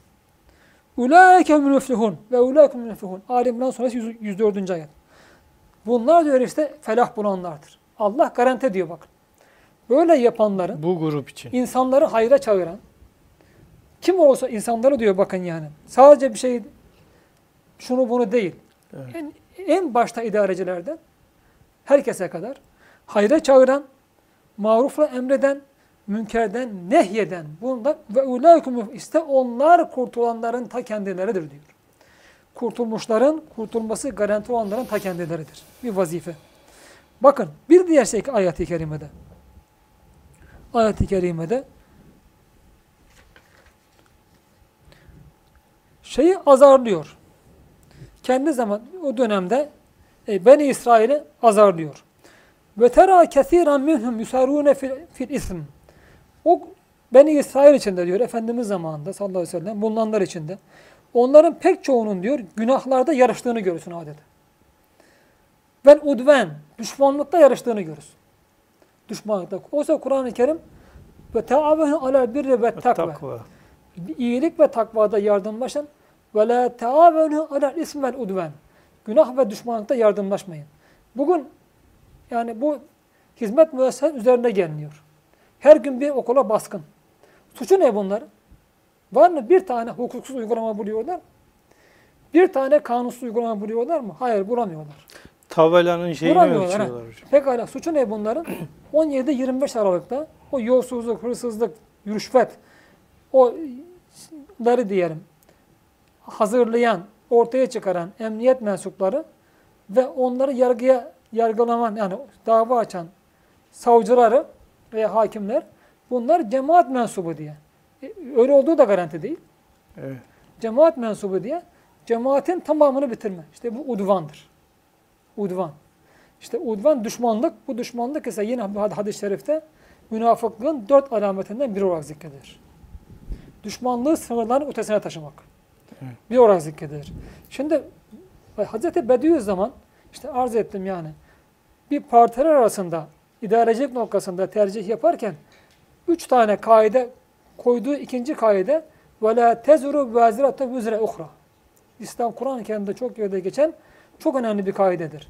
Kimse başkasının suçuyla yargılanamaz. Yani modern hukukta suçun şahsiliği. Ben bir suç işlemişsem bu suçla benim oğlum, hanımım, annem, babam, kardeşlerim yargılanamaz. Aşiretim, kabilelerim yargılanamaz. Öyle bir kaidedir ki Hz. Üstad bu noktada bir gemide diyor 9 cani bir masum bulunsa o bir masum kurtarılmadan o gemi batırılmaz. 9 caniyi cezalandırmak için. Önce masumu kurtaracak, işte sonra o cani canlandıracaksın. Öyleyse hadi diyelim ki farz edelim. O e, söz konusu polisler, emniyet ve yargı mensupları. Farz edelim hadi diyelim hükümete bir kumpas kurdu. E, bu da neyle anlaşılacak? İşte yargıya teslimiyet. Firavun bile Hz. Musa Aleyhisselam'a e, ben Allah'tan ayetlerle geldiğim deyince e, göster ayetleri diye meydan okudu. Hz. bakın müsaade etti. Hz. Musa da toplanalım dedi bir araya. Toplanalım. Bir bayram zamanı. Herkesin olduğu bir yerde. Ve Firavun Hz. Musa'nın elindeki delilleri bir bayram günü bütün halkın önünde açıklamasına müsaade etti. Ey bugün o 17-25 Aralık savcıların ve emniyetlerini iktidara kumpas kurma veya darbe teşebbüsünde bulunmakla suçlayanlar iddianızda samimiyseniz getirin o savcıları, emniyet mensuplarını. Getirin bugün getirdiğiniz yargı ve emniyet mensuplarını bir araya. Halkın önünde herkes delillerini ortaya koysun. Kim haklı, kim haksız apaçık halkın önünde ortaya koysunlar. Ve bir de jüri tayin edin ve herkes halk hükmünü versin. Hocam, o kadar açık. Firavun kadar olsun. Firavun kadar olsun. Hak ve hakikatin yanında olun. Firavun kadar olsun. Hocam aslında e, savcıların, hakimlerin gelmesine gerek yok. Çünkü e, zaman zaman bunlar bu suçları işlediklerini itiraf ettiler aslında. Onun dışında medyalarında tek kelimeyle bahsedilmiyor. Evet. Niye bahsetmiyorsunuz? Polisin o fezlekesine, raporlarına, savcıların fezlekesine neye yer vermiyorsunuz? Ha demek ki orada bir gerçek hakikat var. Veya bunların tapeler var. O tapelerin e, Kılıçdaroğlu hakkında dava açtılar. Tapelere dayanarak konuşması. O dava bu defa tapeler dinlensin hükmü çıkınca şeyden mahkemeden geri aldılar. Geri aldı. Niye dinlen, dinletmiyorsunuz? Niye mecliste bu yolsuzluklar araştırılsın deyince reddediyorsunuz? Paralel yapı var. Bu paralel yapı bunu yapıyor diye iddia ediyorsunuz halkın karşısında, kendi medyanızda. Mecliste araştırılsın deyince niye reddediyorsunuz parti olarak? Evet. Ha, demek bir gerçek. Öyleyse siz hakikattan, haktan yana değilsiniz. Tabii. Katiyen değilsiniz. İşte hocam vaktimiz doldu. Araya gideceğiz. Ben... Hocam bu ayeti bitireyim evet. inşallah. İşte o, bu düşmanlık yani apaçık düşmanlık. Onlara diyor Cenab-ı Allah düşmanlıkta bir de eklihümü suht. Yani rüşvet yemede yarıştırırken görürsün onları. Yarışırken görürsün. E, Lebisen ma kanu yamulun. Yaptıkları bu şeyler ne kötü. Bakın arkasından. Levla yenhahumur rabbaniyyun. Aralarında bulunan Rabbaniler yani Hristiyanlar için daha çok kullanılır Evet. bunlar. Fakat bir manası da şudur bunların. Hani bugün toplumda bir alimler bir de Evliyaullah dediğimiz tasavvuf büyükleri vardır. Arifler Yani Rabbani diyor. yani bunlar arifler yani bunlar. Ve ahbar ve alimler madem alim geçiniyorsunuz, fakih geçiniyorsunuz bunlar. Onlar diyor bu insanları e, an gavluhumul ism bu günah olan sözlerden, yalanlardan, iftiralardan ve eklihumus suht ve rüşvet alıp yemekten alıkoymalı, men etmeli değiller miydi? Lebise mâ kânû yasnaun. Bunlar diyor böyle yapmamakla ne kötü şeyler yapıyorlar. Demek ki e, ortak oluyorlar. Evet. Bilhassa ulema ben veliyim diyen, tarikatın başındayım diyen, cemaatin başındayım diyen, alimim diyen, fakihim diyen, müştehidim diyen insanlara düşen bu kim olursa olsun önce idareciler olmak üzere bunları yalandan, iftiradan, rüşvetten, yolsuzluktan, hırsızlıktan men etmeleri gerekir. Men etmiyorlarsa onlardan daha fazla suçludurlar. Çünkü onların yaptıklarına bir de din adına bu defa bir gerekçe üretiyorlar demektir. Ve insanların din adına onların arkalarından gitmelerine sebep oluyorlar demektir. Ve milyonların vebalini üzerlerine geçiriyorlar Üzerlerine. demektir. Kur'an-ı Kerim bu konuda çok açık. Bakın başka bir ayette لُعْنَ yok. لُعْنَ keferu min beni İsrail. Beni İsrail'den işte bu şekilde küfredenler ala lisanı Davud'a İsa ibn Meryem. Hazreti Davud ve Hazreti İsa Meryem oğlu İsa'nın diliyle diyor lanetlendiler. Niye? Zalike bi en zalike bima asav. Bunlar çünkü isyan ediyorlardı emirlere. Doğru hakkı, hakikate, adalete isyan ediyorlardı. Ve kânû yâteddûne davranışlarında aşırı gidiyorlardı. Ve kânû yetenehnevne an münkerin fâluh. İşledikleri kötülüklerden birbirlerini men etmiyorlardı. Evet.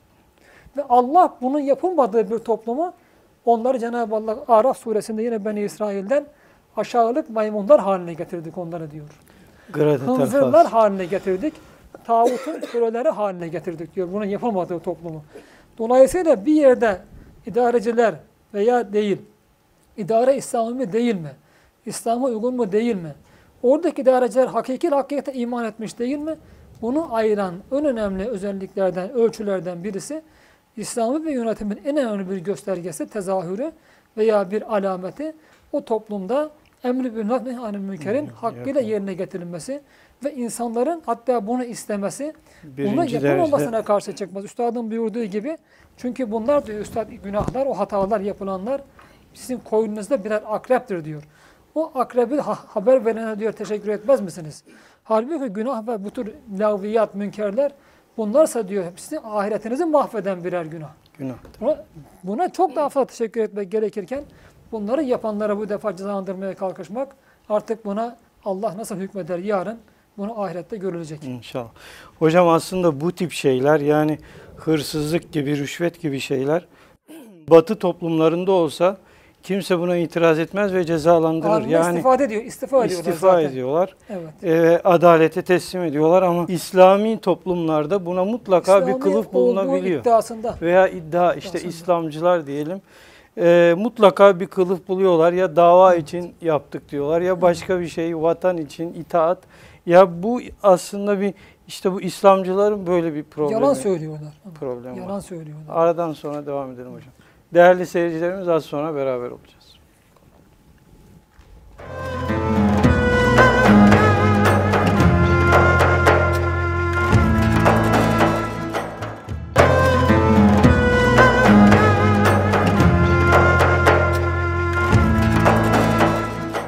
Hocam aradan önce yine İslami bir devlette olması gereken prensipleri konuşuyorduk. Ee, en son itaat kavramı üzerinde e, durmuştuk. Emrim var. E, e, bil maruf nehyal münker. İtaati anlatırken e, itaatin şartsız olmamasını ve Efendimiz haricindeki diğer e, halifenin ve arkasından gelen, gelen saltanat sahiplerinin mutlaka e, dine uygun olmayan emirlerinde itaat edilme. Hukuka uygun diyelim. Mesela bu bazen hani din hakim olmayabilir bugün olduğu gibi ama hukuk önemli olan burada yani idarecilerin tamamıyla bağlayıcı hukuktur. Hukuktur. Evet. Hukukun üstünlüğü Hukukun ki üstünlüğü batıda esastır evet. da İşte kitap, Kur'an-ı Kerim'de kitap mizan. Hmm. Hukukun üstünlüğü evet. Ve adaletin tesisi, mutlak Tesisi. tesisi. Evet. İdareciler de hocam bu itaat kavramını aslında ikna etmeleri gerekirken biraz kolaycılığa kaçıp itaati ön plana koyunca ya bu itaat kavramının içi boşaltılıyor gibi. evet. E, son olarak da hocam emri bil maruf vazifesi üzerinde durmuştunuz. Bunun da her seviyedeki insana düşen tarafı var ama alimlere düşen tarafının daha fazla olduğunu anlatıyordunuz. E, bunu toparlayıp hocam ben terörü sormak istiyorum ama son olarak Çok evet. e, bir bu iki konuda şeyin de hocam arz edeceğim. Evet. Şimdi burada e, Kur'an-ı Kerim'de bu emri bil maruf nehy münker vazifesini yapmayan alimlerle alakalı bakın çok önemli bir ayette ikaz var. Ya eyyühellezine amenu ey iman edenler. İnne kethiran minel ahbar ve ruhbani. Ahbar ve ruhbandan pek çoğu, Evet. onların içinden pek çoğu yani alimlerden ve kendilerine veliyiz diyenler, rahibiz diyenler, rahiplerden yani biz maneviyat kahramanlarıyız diyenlerden pek çoğu. Ve yekulune emvalen nas, emvale insanların mallarını yerler onlar. Bir batılı, batılla yani hak değil de rüşvetle yerler veya başka şekillerde yerler. Dini kullanırlar, Allah'ın ayetlerini kullanırlar. Ne bileyim kendilerine faydalanan idarecilere göz yumarak e, yollar. İşte bunların ümeranın kapısına adeta dilenci gibi oralarda yerler. Ve yesuddûne an sebilillah ve Allah'ın yolundan insanları alıkorlar. Vellezine oysa vellezine yeknuze zehbe vel fizzate oysa altın ve gümüşü biriktirip yani malı parayı biriktirip ve la yunfikuneha fi sebilillah onları Allah yolunda harcamayanlar için febeşşirhum bir azabin elim onlar için alemli acıklı bir azap vardır. Şimdi bu Hazreti Ebu Zer Efendimizin o dönemde bayraklaştırdığı bir bayrak gibi taşıdığı ve bunun da Hazreti Osman döneminde Hazreti Muaviye gibileri çoklarını ikaz ettiği bir ayet-i kerimeydi bu. Yani onları ikaz ediyordu. Şimdi özellikle bunun alimler de bakın yani alimlerden bahsedildiği yerde geçmesi çok önemli. Demek ki böyle altın ve gümüş sevdasıyla o alimler makam sevdasıyla, ümeranın kapısında menfaat sevdasıyla maalesef insanları Allah yolundan alıkoyduğu gibi insanların mallarını da yiyebiliyorlar. Çünkü ümeranın verdiği paralar da kendi cebinden çıkmıyor. Bugün ben çok açık ifade ediyorum. Çok açık şunu söylüyorum. Kimse bunun üzerinde durmuyor maalesef. Türkiye'de her cuma belki on binlerce camide yardım toplanıyor. Makbussuz bunlar. Ve bu toplananlar hiçbir zaman halkın nereye harcandığını bilmiyoruz biz. Bilmiyoruz. Ve bugün belki en zengin kurum da Diyanet Kurumu. Veya Diyanet Ama hep Vakfı. bütçesi açık Ve veriyor. Nereye harcıyorlar paralar? Lütfen hesabını versinler. Kuruş kuruş hesabını versinler. Kalkıp da Diyanet İşleri Başkanı cemaati suçlayacağını, cemaatin toplanan paradan nereye gittiği açılan binlerce müessesede. Sadece bugün Güneydoğu'da şimdi terör ülkemiz tekrar sarsılıyor. Birkaç sene önce gittiğimde orada dediler ki burada karşılıksız 720 bin öğrenciye, 720 bin her yaştan çocuğa, öğrenciye, gence okuma salonlarında diyorlar kurs veriyoruz dediler. Bedava, karşılıksız. Ve dershaneler vardı. Ve bu dershaneler, o okullar, bugün bastıkları okullar binlerce genci dağa çıkmaktan, PKK'ya katılmaktan mani oldu. Bir sera vazifesi gördü. O müesseselerde bir tane insan terörist yetişmedi. Bir tane insan ahlaksız yetişmedi. Yolsuz, hırsız yetişmedi.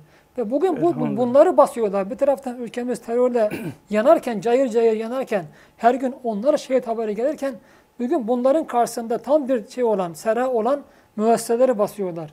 Bu bakımdan terörle mücadele yanında kimse inandıramazlar. Ben bir yalan olarak bakarım bu mücadele iddiasına. Sen teröre birinci derecede bir sera vazifesi gören müesseseleri basıyorsan her gün ve hiçbir şeyi bulamadığın halde tekrar tekrar basıyorsan lütfen terörle mücadeleden bahsetmeyin. Çünkü Güneydoğu'da bu zamanında gazetelerde de yer aldı, dizilerde yer aldı. Hatırlıyorum bir tanesi yeni e, Yeni Yüzdür gazetesinde Nevval Sevindi'nin dizisiydi. Orada halkın şehadetiyle Van'daki Serhat Koleji'nin o dönemde ne kadar çocuğu dağa çıkmaktan alıkoyduğu gazete küpürlerinde arşivlerde duruyor. Ve bugün oradaki halk bunu herkes itiraf edecektir her yerde. Sen buna mani olan müesseseleri, okuma salonlarını, dershaneleri kapatıyor, okulları işlemez hale getirmeye çalışıyorsun. Veya bunların e, finans kaynakları diye defalarca basmana rağmen en ufak bir kanunsuz muamele bulamadığın işte kaynak holding gibi, Koza İpek holding gibi oralara basıyorsun. O zaman terörle mücadeleden lütfen bahsetmeyin. İnandırıcı olamazsınız katiyen. Şimdi ve buna rağmen hala daha bunları karşısında emri anil münker yapmayan alimler de o ilim kisvesinden ve dinden bahsetmesinler. Hiç bahsetmesinler. İşte hocam onlar da aldıkları arabayla, uçak milyonluk şeyle, belki evet ve jacuzzi evlerle e, jacuzzi'li bir milyonluk Mercedes'lere mi satıyorlar makamlarını bilemiyorum. Ve o topladıkları ha işte cemaatte diyelim o himmet yapılan himmetler eğer bunlar işte okullar, müesseseler, burs verilen yüz binlerce öğrenci dünyanın her tarafında ve tam bir ahlakla yetiştirilen. Moskova'da yabancı gazeteciler de okumuştum bir gazetede. Moskova yayınlıyor yani bir gazete yayınlıyor. Moskova'da bir kadın çocuğunu getiriyor, o Türk okuluna veriyor. Gaz, yabancı gazeteciler soruyor. Burada diyorlar Amerikan ve İngiliz kolejleri var. Bunlar mezun olduktan sonra Amerika İngilizce Amerika İngiltere'de üniversite garantisi veriyorlar. Türk okulu böyle garantiyi vermiyor. Niye buraya veriyorsun çocuğunu? Kadın diyor ki ben bir yıldır bu okulu takip ediyorum. Öğretmenleri diyor çok başarılı, çok terbiyeli. İçki, si- sigara gibi hiçbir kötü alışkanlıkları yok bunların. Ve ailelerle çocuklar arasında tam bir ittifak kuruyor. Çocukları artık oradaki çocuklar ana, anne babasına anne baba diyor. Kardeş bir aile sıcaklığını tekrar temin ettiler diyor burada. Ben çocuklarımın diyor bunlar gibi yetişmesini istiyorum. Bakın ben çocukların bunlar yetişmesini istiyorum. Bir Rus kadın söylüyor bunu. E, bu okullar, müesseseler dünyanın 170 ülkesinde kabul görmüşse apayrı diyelim dini ayrı, dini ayrı, ülkesi ayrı. Müslüman olduklarında bildikleri halde kabul görmüşse ve İslam bugün dünyada terörle anılırken bu insanlar kabul görüyorsa demek ki bunlar ahlaka hitap ediyor, ahlak üzerinde gidiyor ve bir insanlık ortak paydasına hitap ediyor ve kabul görüyor. Ama bu iktidar bunları kapattırmaya çalışıyor dünyanın her tarafında. hocam aslında iktidarın mensupları, milletvekilleri de kendi çocuklarını da bu okullarda okutmak Ha için işte sıraya ama geçiyorlar. İktidardan Şimdi- düştükten sonra işte Bülent Arınç'ın düne kadar tekrar ediyordu paralel lafını. Evet. İktidardan düştü ayrıldıktan, hükümete girmedikten sonra e, yeni aday da değilim diyor. Bir dört sene daha. İşte dört sene daha demek ki cemaatin müdafaa lehinde konuşacak. Pırıl pırıl insanlar yetişiyor o okullardan diyor. Niye bunu zamanında söylemedin? Karşı çıkmadın. Bir istifa etme onurunu göstermedin. Karşı çıkarak yani o noktada. Evet. Bir taraf işte iki şartını daha zikredeceğim gerçek bir İslami yönetimin. Bunlardan birisi şura, istişare. Efendimiz'e dahi Cenab-ı Allah istişare emri veriyor. Hem de nerede? Bakın Uhud Savaşı'nda istişare neticesinde Efendimiz sallallahu aleyhi ve sellem şehirde kalıp şehir savunması fikrindeyken sahabenin biraz da gençlerin çoğunluğu meydan savaşı vermek için e, görüşünde ileri sürdüğünden Efendimiz onlara ittiba etti. Çünkü çoğunluk öyle çıktı. Çoğunluk. Ve ama o Uhud, Uhud'da savaşında bir e, 70 tane büyük sahabe şehit oldu ve bir ikinci bir döneminde hakikaten bir mağlubiyet yaşandı. Zahirde mağlubiyet yaşandı. Cenab-ı Allah Uhud Savaşı ile ilgili indirdiği ayetlerde buna rağmen buyuruyor ki beşâfirhum fil emr. O insanlarla diyor istişare et, emaret konusunda, idarecik istişare et. Bunu vahye muhatap, haşa bir yanlış yapsa bile Allah'a muhakkak düzelteceği, bir peygamberle Cenab-ı Allah istişare sonucu çıkılan Efendimizin reyine rağmen çıkılan savaşta tadılan mağlubiyeti anlattığı yerde Cenab-ı Allah istişare emrini veriyor. Bakın yani tam bir kontrast vardır ya zıt yani. evet, Meselenin ehemmiyeti noktasında. E, Peygamber Efendimiz buna rağmen istişarede memursa her idareci hangi seviyede olursa olsun bir köydeki muhtardan, mahalledeki muhtardan, ne bileyim bir okuldaki müdüre, müdürden, Cumhurbaşkanı'na, Başbakan'a kadar kimle istişare edecek? İşin ehliyle. Onu hakka ve hakikati tavsiye edecek ve işi bilen ehline istişare etmekle mükelleftir. Bu da İslami bir idarenin, hakkaniyetli bir idarenin, hukuka bağlı bir idarenin, adalete esas almış bir idarenin, insanlardan itaat isteme e, hakkı olan bir idarenin uyması gereken olmazsa olmaz bir şarttır. şarttır. Bugün meclis hocam hiç konuşmadan el kaldırıyor sadece. Aslında istişarenin en çok maalesef olması maalesef gereken zaten yer. bugün bir yazımda da arz etmeye çalışmıştım. O milletvekilleri nasıl katlanır ona bilemiyorum. Dün ak dediklerine bugün kara, dün kara dediklerine bugün ak diyerek, dün yaptıkları kanunu bugün değiştirmek için, dün değiştirdikleri kanunu bugün tekrar koymak için baştan bir liderden ne gelirse ona göre sadece bilir bilmez parmak kaldırma. Bunu bazıları itiraf etmişti. Buna da milletvekili olarak böyle bir şeye can atıyorlar. Ben de doğrusu anlamakta son derece zorluk çekiyorum. Bazen de iki ellerini birden kaldırıyor. E, iki ellerini birden de kaldıranlar var. Mutlaka daha öte beklentiler oluyor. Bakıyorsunuz daha önce tam tersini söylemiş, tam tersini yapmış. Evet. Şimdi bir diğer çok önemli üzerinde durulması gereken mesele beytülmal meselesi. Yani insanların mallarını kullanma. Çünkü İslam'da mal Allah'ın yani öncelikle Allah'a aittir. Rızık o gönderir. Ve bu defa idareciler bu Allah'ın onların uhdesine kullanmak üzere verdiği bugün bütçe dediğimiz İslam'da beytülmal denilen bütçe dediğimiz yani şeyi Allah'ın istediği şekilde veya bütün insanların gerektiği şekilde bir hakkaniyetle tevzi etmeleri gerekir.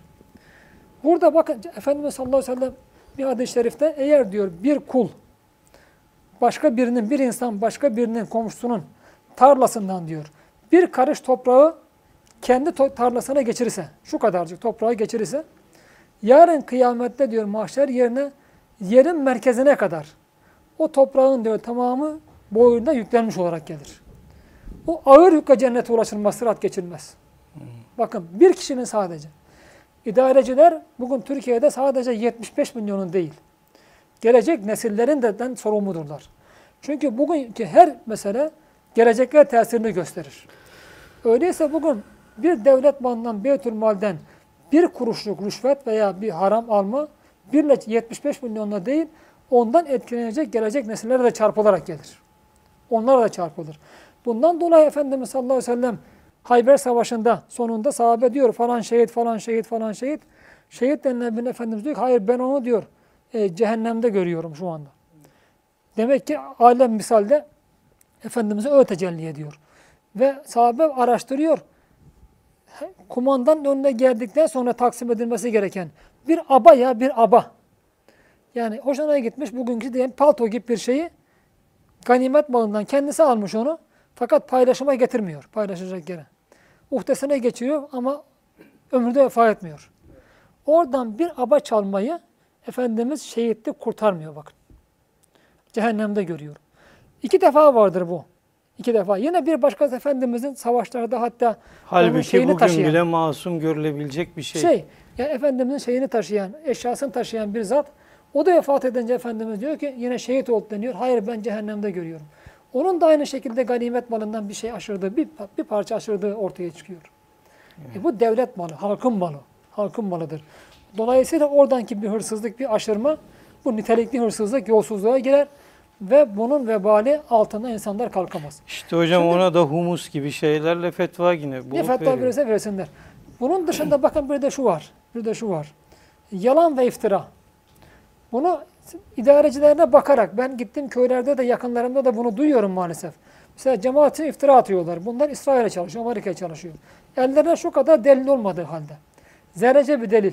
Ve bunu efendim ben şu gazetemde okudum, bu gazetemde okudum. Hiçbirisi bunların delil değildir. Elde belge var mı? Bu belge yok da bunu iftirayı dilden dile doyuyorsanız bu insanlar, bakın çok açık buradan söylüyorum. Şu anda o kendilerine böyle iftira atılan bu cemaat mensuplarının her bir ferdi ve bu sadece kendileri değil, onların yarınki evlat ve çocukları. Çünkü iftirada onlar da etkilenir, aileleri. Milyonlarca insan yarın yakalarına yapıştığında bu vebalden kurtulamazlar. Kıyamete kadar Allah onlara ömür verse ve bunu tamamen secdede geçirseler yine kurtulamazlar. Çünkü her bir insan bu defa onun kendisine istediğinde o sevaplarından kazanacak hiçbir şey kalmaz. Hiçbir şey kalmaz. Dolayısıyla Zaten elde kesin delil yokken böyle iftiralar yayan insanlar ister halk tabanında olsun ister yukarıda olsun çok dikkat etmeliler. Çünkü bu zaten masumlara iftira edenlerde Kur'an-ı Kerim bir iftira dahi olsa Allah onları diyor dünyada ve ahirette lanetlemiştir. Hocam bir taraftan da iftira olarak ne söyledikleri varsa bir bakıyorsunuz altlarından kendileri aynı kendileri şeyi çıkıyor. yapıyorlar. Evet, aynen kendileri çıkıyor. Ay- O aynaya, cemaatin aynasına bakarak kendilerini görüyorlar. Kendilerini aslında söylemiş oluyorlar. Hocam diğeri de e, ülkemizin maalesef işte terör ve şehit sayısı çok ciddi artmaya başladı. E, net rakamlara bile ulaşamıyoruz bugün. Böyle sıkıntılı bir süreçten geçiyoruz. E, bu terör hadiselerinin e, hem Kur'ani pencereden yani Kur'an olarak hem de günümüz modern hukuku açısından e, sebepleri ve neticeler hakkında neler diyebiliriz hocam? Ya bu Çok. konuda da çok yazıldı, söylendi. Fakirin de çok e, yazıları çıktı gazetede. Şimdi hadiselerin bizim için iki sebebi vardır. Birisi zahiri sebepler ki inşallah Hz. Musa, Hz. Evet. Hızır kıssasının üzerinde duracağız bunun. İkincisi de kaderin fetva vermesi. Mesela Hz. Üstad der ki soruyorlar kendisine neden bugün dindar, dindar erkekler hanımlarından fazla çekiyor? Hz. Üstad der ki hadis-i şerifte evlenilecek kadınlarda üç şart belirtiliyor. Güzelliği, malı soyu ve dindarlığı. Sen dindar olanı seç. Fakat bugün diyor dindar erkekler evlenirken bunu değil de tercihini başka noktada yapıyorlar. Kader de diyor ceza olarak bu da onları diyor hanımları öyle cezalandırıyor. Ha, bir. Hikmet planında. Hikmet planı. İki, bakın şeriat-ı fıtriyen kaideleri var. İki, ikinci bir soru soruyorlar. Niye diyorlar şeriat? Bütün tamamında değil de bazı e, durumlarda e, evde erkek kardeşe kız kardeşten iki kat fazla miras verirken modern hukuk bunu eşitledi. Neden diyorlar kader buna fetva verdi? Yani kader adalet eder çünkü yani. Evet. Bir milletin, bir insanın başına gelenler bakmak lazım. Acaba hangi hatam oldu bunlar başıma geldi? Şimdi Hem fert olarak hem millet, Millet olarak. olarak. Evet. Hazreti Üstad diyor ki burada çok açık. Bugün diyor kız çocukları anne baba hukukuna erkek çocuklardan daha fazla riayetkar oldukları için bu defa Allah onlara mükafaten Allah. kader erkek çocuklara cezaen diyor. Onların bir şeyini aldı, bir e, payını aldı, kızlara verdi. Bakın adalet var yine. Ya pratikte öyle oldu. Hüküm Adalet var, değişmese evet. de. Kaderin adalet var. Üçüncü bir soru soruyorlar. Bedeni hukuk diyorlar. Bugün daha ziyade kadın öncelikli. Yani kadınları pozitif ayrımcılık erkekler aleyhine. Niye diyorlar Allah buna yine kabulüne bunun toplumumuzdaki kabul ve uygulanmasına müsaade etti kader?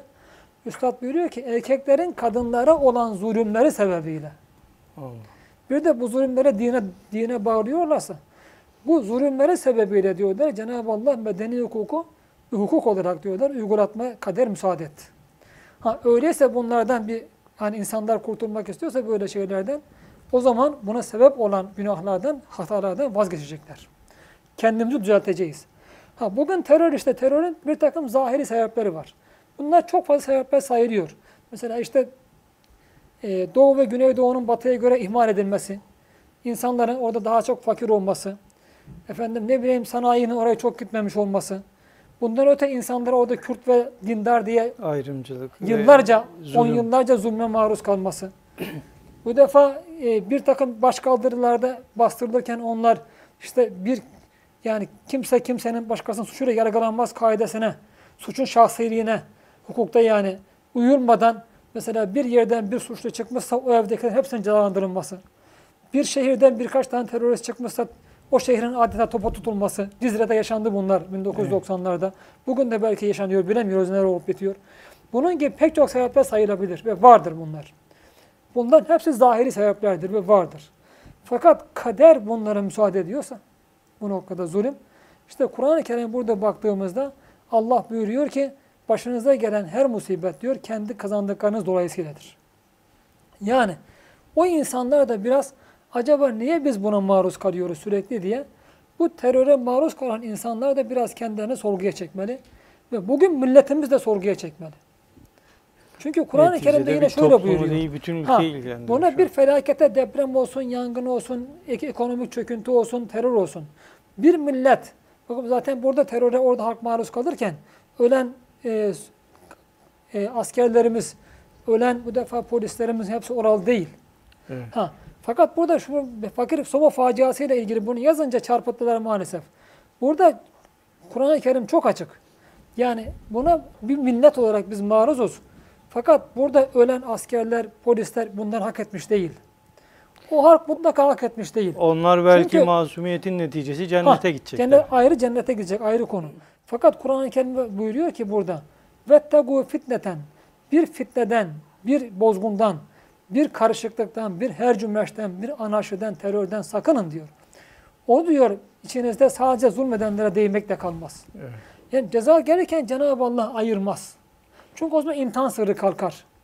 Öyleyse millet olarak hepimizin, millet olarak hepimizin kendimizi sorguya çekmemiz lazım. Niye böyle bir şeye maruzuz? Niye böyle bir idareye maruzuz? Niye böyle bir teröre maruzuz? Niye bu şekilde evlatlarımız ölüyor? Niye bu 30 35 senedir bu 30 35 senedir bu terör bitmiyor? Niye Orta Doğu'da veya dünya politikasında sıfırlandık? Niye milletimiz ülke olarak bu kadar rezil bu zelil durumdayız? Burada fert fert hepimiz kendimizi sorguya çekmeliyiz. Fert fert sorguya çekmeliyiz burada. Askerimiz, polisimiz şehit oluyor. Belki Cenab-ı Allah onlar bir manada onlar daha fazla mi- millet olarak buna musibete maruz kalmamak adına Allah o insanları alıyor, şehadet velayet mertebesine yükseltiyor ve inşallah cennetine koyacak. Ayrı mesele. Ayrı mesele. Ama fakat hiçbir zamanda ölmek arzu edilmez. Hani e, Cumhurbaşkanı konuşuyor. Bugün diyor e, millet bu toprak topraklarımız diyor şehit kanlarında yoğrulmaya devam edecek. Şehadet çok büyük bir makam. Öyleyse buyur. Mani olan yok. Buyur. Git şehit ol. Taner Yıldız şehit olmak istiyorum. Mani olan mı var? Çocuklarımla beraber git şehit ol. Başbakan önce gidin bakan bir önden. Efendimiz sallallahu aleyhi ve sellem savaşlarda daima en yakınlarını önce öne sürerdi. Evet. Kendisi önde savaşır. Kendisi de savaşır. Önde. E buyurun önce siz gidin Zırhı arkanızdan giyip- biz gelelim diğerleri gelsin. Madem şehitlik bu kadar büyük makam. Evet çok büyük makam. Fakat insanlar Hocam bütün çocukları şehit paralı diye olarak savaşa giderken şehit olacağım diye gitmez. Kazanacağım diye gidilir. Evet. En az zayiat vermek için gidilir. Kur'an-ı Kerim'in hiçbir ayetinde savaşa giden müminlerin, peygamberlerin Ya Rabbi bize şehadet nasip et diye dua ettiğini görmüyoruz. Tam tersine Rabbena afir lena zunubena ve israfena fi emrina ve sebbit akdamena ben sunu ala kafirin. Ya Rabbi önce şu sebebi bir savaşa gidiyoruz. Bir mücadele içindeyiz. Burada maruz kaldığımız bu durumun sebep olarak bir takım günahlarımız vardır. Önce Allah'ım o günahlarımızı affet. Evet. Bakın fağfir lena zunubena ve seb ve imra ve israfena ve, ve sebbit akdamena. Hat ve israfena fi emrina. Şu ana kadar yaptığımız işlerde veya şu anda bulunduğumuz mücadelede eğer aşırı gidiyor, yanlış yapıyorsak Allah'ım bunları da bağışla. Ve sonra ve sebbit akdamena. Ya Rabbi ayaklarımızı sabit tut. Kaçmayalım. Direnelim. Mağlup olmayalım. Ve sonra vensun ala gamri kafirin. Şu düşman kafirlere karşı, şu düşmana karşı Allah'ım bize zafer nasip. Bakın dualar bu. Hangi neresine bakarsak bakalım dualar bu. Rabbena fağfir lena zunubena ve isra aynı şehirde. Birkaç Evet. yerde Kur'an-ı Kerim'de geçer. Yani İslam Ama yaşatmayı esas alıyor. Yaşatma Hayat esas, yaşama çok- hayatta kalma esastır. Evet. Hayatta kalma esastır. Dolayısıyla hayatta kalma esas ama hayatta kalmaya çalışırken bu defa şehitlik Allah nasip etmişse buna da karşı çıkılmaz Karşı ayrı konu. Bir de Fakat hocam kimse şehadet büyük mer- mertebedir diye insanlar ne ölüme kendini atabilir ne de insanlar ölüme gönderilir. Bu cinayet olur başka bir şey olmaz.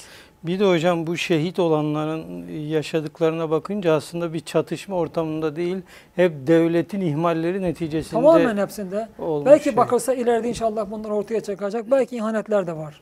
Bu Evet. terörle müca- 30, 30 yıllık mücadele çok iyi yer incelendiğinde inşallah tek tek Evet. nihayetten olduğunu da göreceğiz. Bununla terörün yani zahiri sebepleri içinde bir tanesi zaten Türkiye'de daima iş politikayı dizayn adına kullanılmıştır. Bugün niye e, bu terör azdı? Seçimden İşte önce yoktu. yarbay soruyor çok güzel. Onda linç etmeye kalkıyorlar. 6-7 Haziran'a kadar kan akmıyor da 8 Haziran'dan beri niye akıyor? Ne değişti 7 Haziran'da? Seçimler oldu. Seçimler oldu. E demedi mi Yalçın Akdoğan? Ülkede çözüm süreci diye 3 yıl teröre göz yumuldu. E bugün Cumhurbaşkanı itiraf ediyor. Biz çözüm süreci dedik bunlar diyor silah stoklamış. Ama Bülent Arış diyor ki hepsinden hepsinin farkındaydık diyor. Hepsinin farkındaydık diyor. Başbakan Davutoğlu aynı şeyi söylüyor. 400 vekil olsa o- olmaz. Oslo'da Afet Güneş e, eski dönem müsteşar yardımcısı.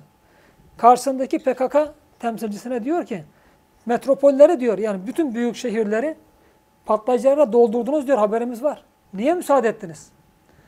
Bu ülkede istihbarat teşkilatı olarak o metropollerin patlayıcılara doldurulmasına niye müsaade ettiniz? Bugün doldurulmuşsa o Dağlıca'da askerlerimiz şehit olmadan, o polisler şehit olmadan bir ton patlayıcının, 400 ton patlayıcının patlatılmasını niye tedbirini almadınız? Biliyordunuz bunları. Haberimiz var diyorsunuz. Müthiş yardımcısı olarak. Ve şey Bülent Arıç hepsinden haberimiz var diyor. 12-13 yıldır bakanlık yapıyor bu ülkede. Meclis başkanlığı yaptı. En üst makamda haberimiz var diyor.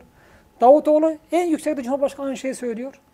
Öyleyse göz yumduysanız buna e, çözüm süreci göz yummaya gerektirmiyor ki. Bir yandan süreci devam ettirirsiniz. Bir taraftan bunlar yapılıyorsa mani olursunuz. Ne yapıyorsunuz arkadaş dersiniz. Mani olursunuz. Çözüm sürecinde bunları yapmak şartı var mıydı?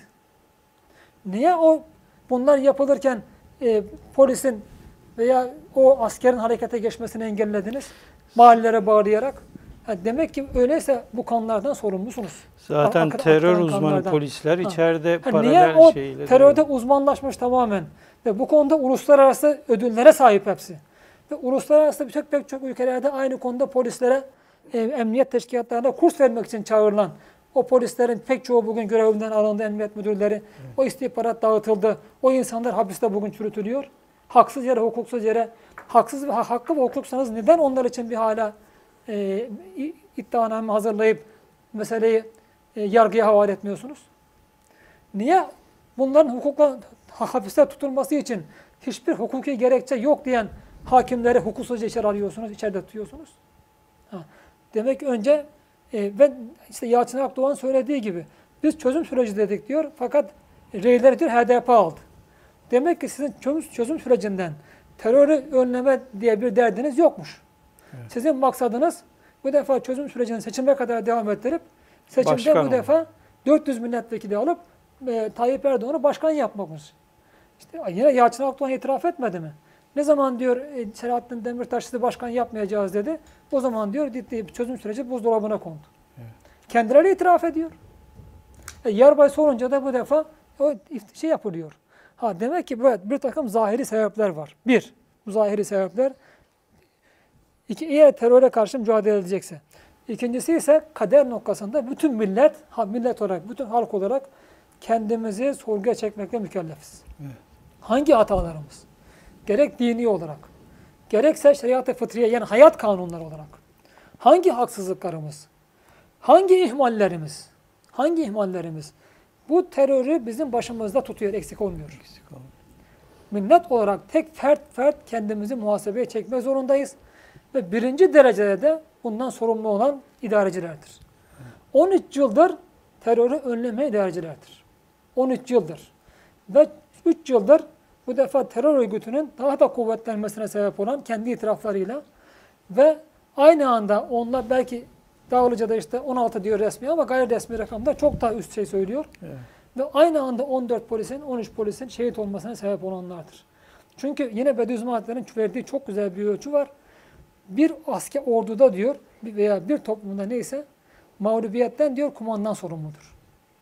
Galibiyet bütün efradın, efradındır diyor. Çünkü bir şeyin varlığı bütün parçalarının varlığına bağlıdır. Ama bir şeyin yokluğu bir temel bir yoklukla diyelim olabilir. Hemen bir her şey yok olabilir. Öyleyse mağlubiyetten sorumlu idarecilerdir. İdareciler. Akan kandan sorumlu birinci derecede sorumlu idarecilerdir. Bir muvaffakiyet varsa o muvaffakiyette rol olan herkestir. Herkes.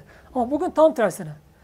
Başarı olunca Hasan Ağa yani idareci. Tek kişi. Şu bey şu paşa veya şu efendi. Mağlubiyet olunca efendim Herkes. halk herkes. Ona bir halka veriliyor. Evet. Ama kader noktasında hepimiz ise bu noktada tek tek kendini sorguya çekmekte mükellefiz. Evet. Bu işin kaderi planlarından bir tanesi karıncaya basmayan insanları terör örgütü diye iftira atınca Allah'ın böyle terörle insanları imtihan Hatta etmesi herkes gibi. bunu sorguya çekmeli. Zulüm. Arz ettiğim gibi daha önce Evet. arz etmiştim. İşte Cenab-ı Allah bir fitne diyor, bir karışıklık, bir hercümeç. Bunun esas da zulümdür. Bunu da zikretmiştim bir ayette yine üzerime geldiler. Ve la terkenu ilellezine zalemu fetemessekumun nar. Çok açık. Evet. Bir yerden bir zulüm varsa, burada bu bardak buraya konması gerekirken buraya konmuşsa, Evet. yeri burada değilse bu bu çapta bir zulümdür. Ha ben burada bu zulmü yapana destek olmamı oraya koymakta hemen düzeltmesi gereken bunu gelip düzeltecek. Yerine koyacak. Yani işte Kur'an-ı Kerim ilellezine zalemu. İle, ile zalimin demiyor. Evet. Zalimlere demiyor. Bakın çok dikkat etmek lazım. Çünkü zalim artık zalimlik kendisinde isim olmuş demektir. İnsan demektir. İlellezine zalemu burada zalemu fiil kullanılıyor. Yani bir yerde bir zulüm fiili görüyorsanız o zulüm fiilinde o zulmü işleyenlere yardımcı olmayın diyor Kur'an-ı Kerim. Evet. Yoksa o zulmün ateşi dünyada ahirette cehennem ateşi dokunur diyor. Tabi bu yardım çeşitli yollarla oy Her vermekle şekilde başka bir oy şeyle vermek her şeyle olsun, sözlü olsun, yazılı olsun, sessiz kalmak olsun. Sessiz kalmak. Çünkü olur. bizim dinimizde de bir esastır. Zulme rıza, zulüm, sessiz kalarak Evet. sükut etmek. A- şeye küfre rıza, küfür, fıska rıza da fısktır. Fısıktır. Bu noktada millet olarak da üzerinde düşeni yapmamız gerekiyor. Başta idareci olarak yapmamız gerekiyor. Yoksa insanları kandırmayalım. Zulümden elimizi çekelim. Bilhassa haksızlık, haklı insan, en ufak bir hakkın olmadığı yerlerde arşa dokunacak zulümler. Bakın çok önemli zulümlerden de bir tanesini arz edeyim son olarak. Kur'an-ı Kerim'de Allah evlat edindi diye bazıları, mesela Yahudiler bir dönem Üzeyir Allah'ın oğlu demişler bir dönem. Hristiyanlar İsa Allah'ın oğlu. Veya pek çok e, müşrikler cinlere Allah'ın kızları, meleklere Allah'ın kızları. Haşa. İşte yani insan Allah evlat edindi dediler insanlar diye. Neredeyse gökler üzerinden çatlayacak diyor Kur'an-ı Kerim. Gökler üzerinden çatlayacak. E şimdi bakın ama Tayyip Erdoğan için söylenen sözler. Allah'ın bütün sıfatlarına sahip bir derimiz. Bu ikinci Allah haşa haşa kabul etme demektir. Haşa haşa ya. Ona dokunmak ibadet. Mesela. Onun konuştuğu televizyon yere konmaz. Şimdi Peygamber Efendimiz bile kibre kapılmıştı. Biz kapılmayacağız. İşte o dönemde Tayyip Erdoğan başımızda olsaydı işte şu yaşanmazdı. Evet. Şimdi bu tür haşa ve tamamen şirk ve küfür olan sözler Allah evlat edindi denmekten daha öte. Bunlara karşı da ses çıkmıyorsa, bunun hakkında söylenen şahıslar sen ne diyorsun demiyorsa haşa. Bunu söyleyenler tevbe edip geri dönmüyorsa ve buna karşı diyelim sesi çıkması gereken birinci derece ulema meşayih böyle şeyler olmaz diye şey yapmıyorsa bunu bu konuda çok açık beyanlarda bulunmuyorlarsa ve millet de buna rağmen destek veriyorsa bu şekilde böyle şeylere rağmen destek Evet. zımni olarak e, bu durumda tabii başımıza Allah muhafaza ben şuna inanıyorum. Bu ülke çok güzel günler yaşayacak. İnşallah. Bu hercün mercin karanlığın sonunda her zaman arz ediyorum. İnşallah çok güzel günler gelecek. Fakat korkarım, işte korkarım Cenab-ı Allah bu güzellikleri verirken bu defa diyelim hani karlar erimeden baharlar gelmez. Karlar erir, soğuklar gider. Sonra baharlar gelir. Soğuklar, hava ısınır. Öyleyse bahar noktada o şeyin diyelim karların kalkması, havaların ısınması için öncelikle bu hatalardan vazgeçme, millet olarak tövbe istiğfar etme ve bu defa doğruya yönelme. Bu olmazsa Cenab-ı Allah bu defa işte kendisi bizzat Cenab-ı Allah bu defa Allah muhafaza bu millete, bu ülkeye çok daha büyük bedeller ödettikten sonra o güzel günleri getirir. İnşallah. Şuna Hocam inşallah demeyelim, bedeller ödemeye. Yani güzel günler inşallah getirecek. inşallah. Ama umarım, umarım millet olarak kendimize geliriz. Yapılması, yapması gerekenleri yapması yaparlar. Bilhassa cemaatteki bir insanlar bilhassa çok fazla dua ile, dua ile ve çizgilerinden sapmadan inşallah olursa umarım Rabbim daha fazla bedel ödetmez. Ama endişe ediyorum tekrar ben bunu söylemekle mükellefim. Yoksa burada bütün söylenenlere karşı vazifemi yapmamış olurum. Herkes de söylemeli bunu. Ve bu defa Allah korusun halkımız daha ağır bedeller ödeyebilir. Allah muhafaza. Allah korusun. Terör sarsmaya devam eder ve daha başka şeyler de olabilir. Tabii zaten hocam terörün geldiği noktada iç savaşa doğru bir gidişte Allah gözüküyor. korusun, oraya korusun. gidiyor. Ülke bir kan gölüne Allah muhafaza. Bugün bütün metropollerde eğer PKK'lılar patlayıcı e, yerleştirmişse işte ayrışmalar gidiyor. Tam bir Allah korusun Kürt-Türk ayrışması, Sünni Alevi ayrışmasına gidiyor ülke. Bu defa şehirlerde iç, e, karşılıklı mücadeleler işte Beypazarı'nın bir yerde yaşandı, yaşandı. Bu defa Allah korusun şehirlerimiz kan gölüne dönebilir. Ve bir defa o Müslüman veya bu ülkenin insanı Kürdü, Alevi, Kürdü, Türk'ü Sünni Alevisi bir araya gelemeyecek şekilde Allah korusun Allah muhafaza. Bu defa böyle bir ayrışmaya ülkemiz gidebilir. Hepimizin uyanmamız lazım. Evet. Hepimizin. Tabii hocam bugüne kadar aslında son 2-3 senedir bu zulümler yapılıyor. Herkes bana dokunmayan yılan bin yaşasın gibi sessiz Allah kalıyordu. Korusun. Şimdi bütün toplumu Allah korusun böyle felaketler Allah bekliyor. Allah. Değerli seyircilerimiz önümüzdeki hafta görüşmek üzere. Hoşçakalın.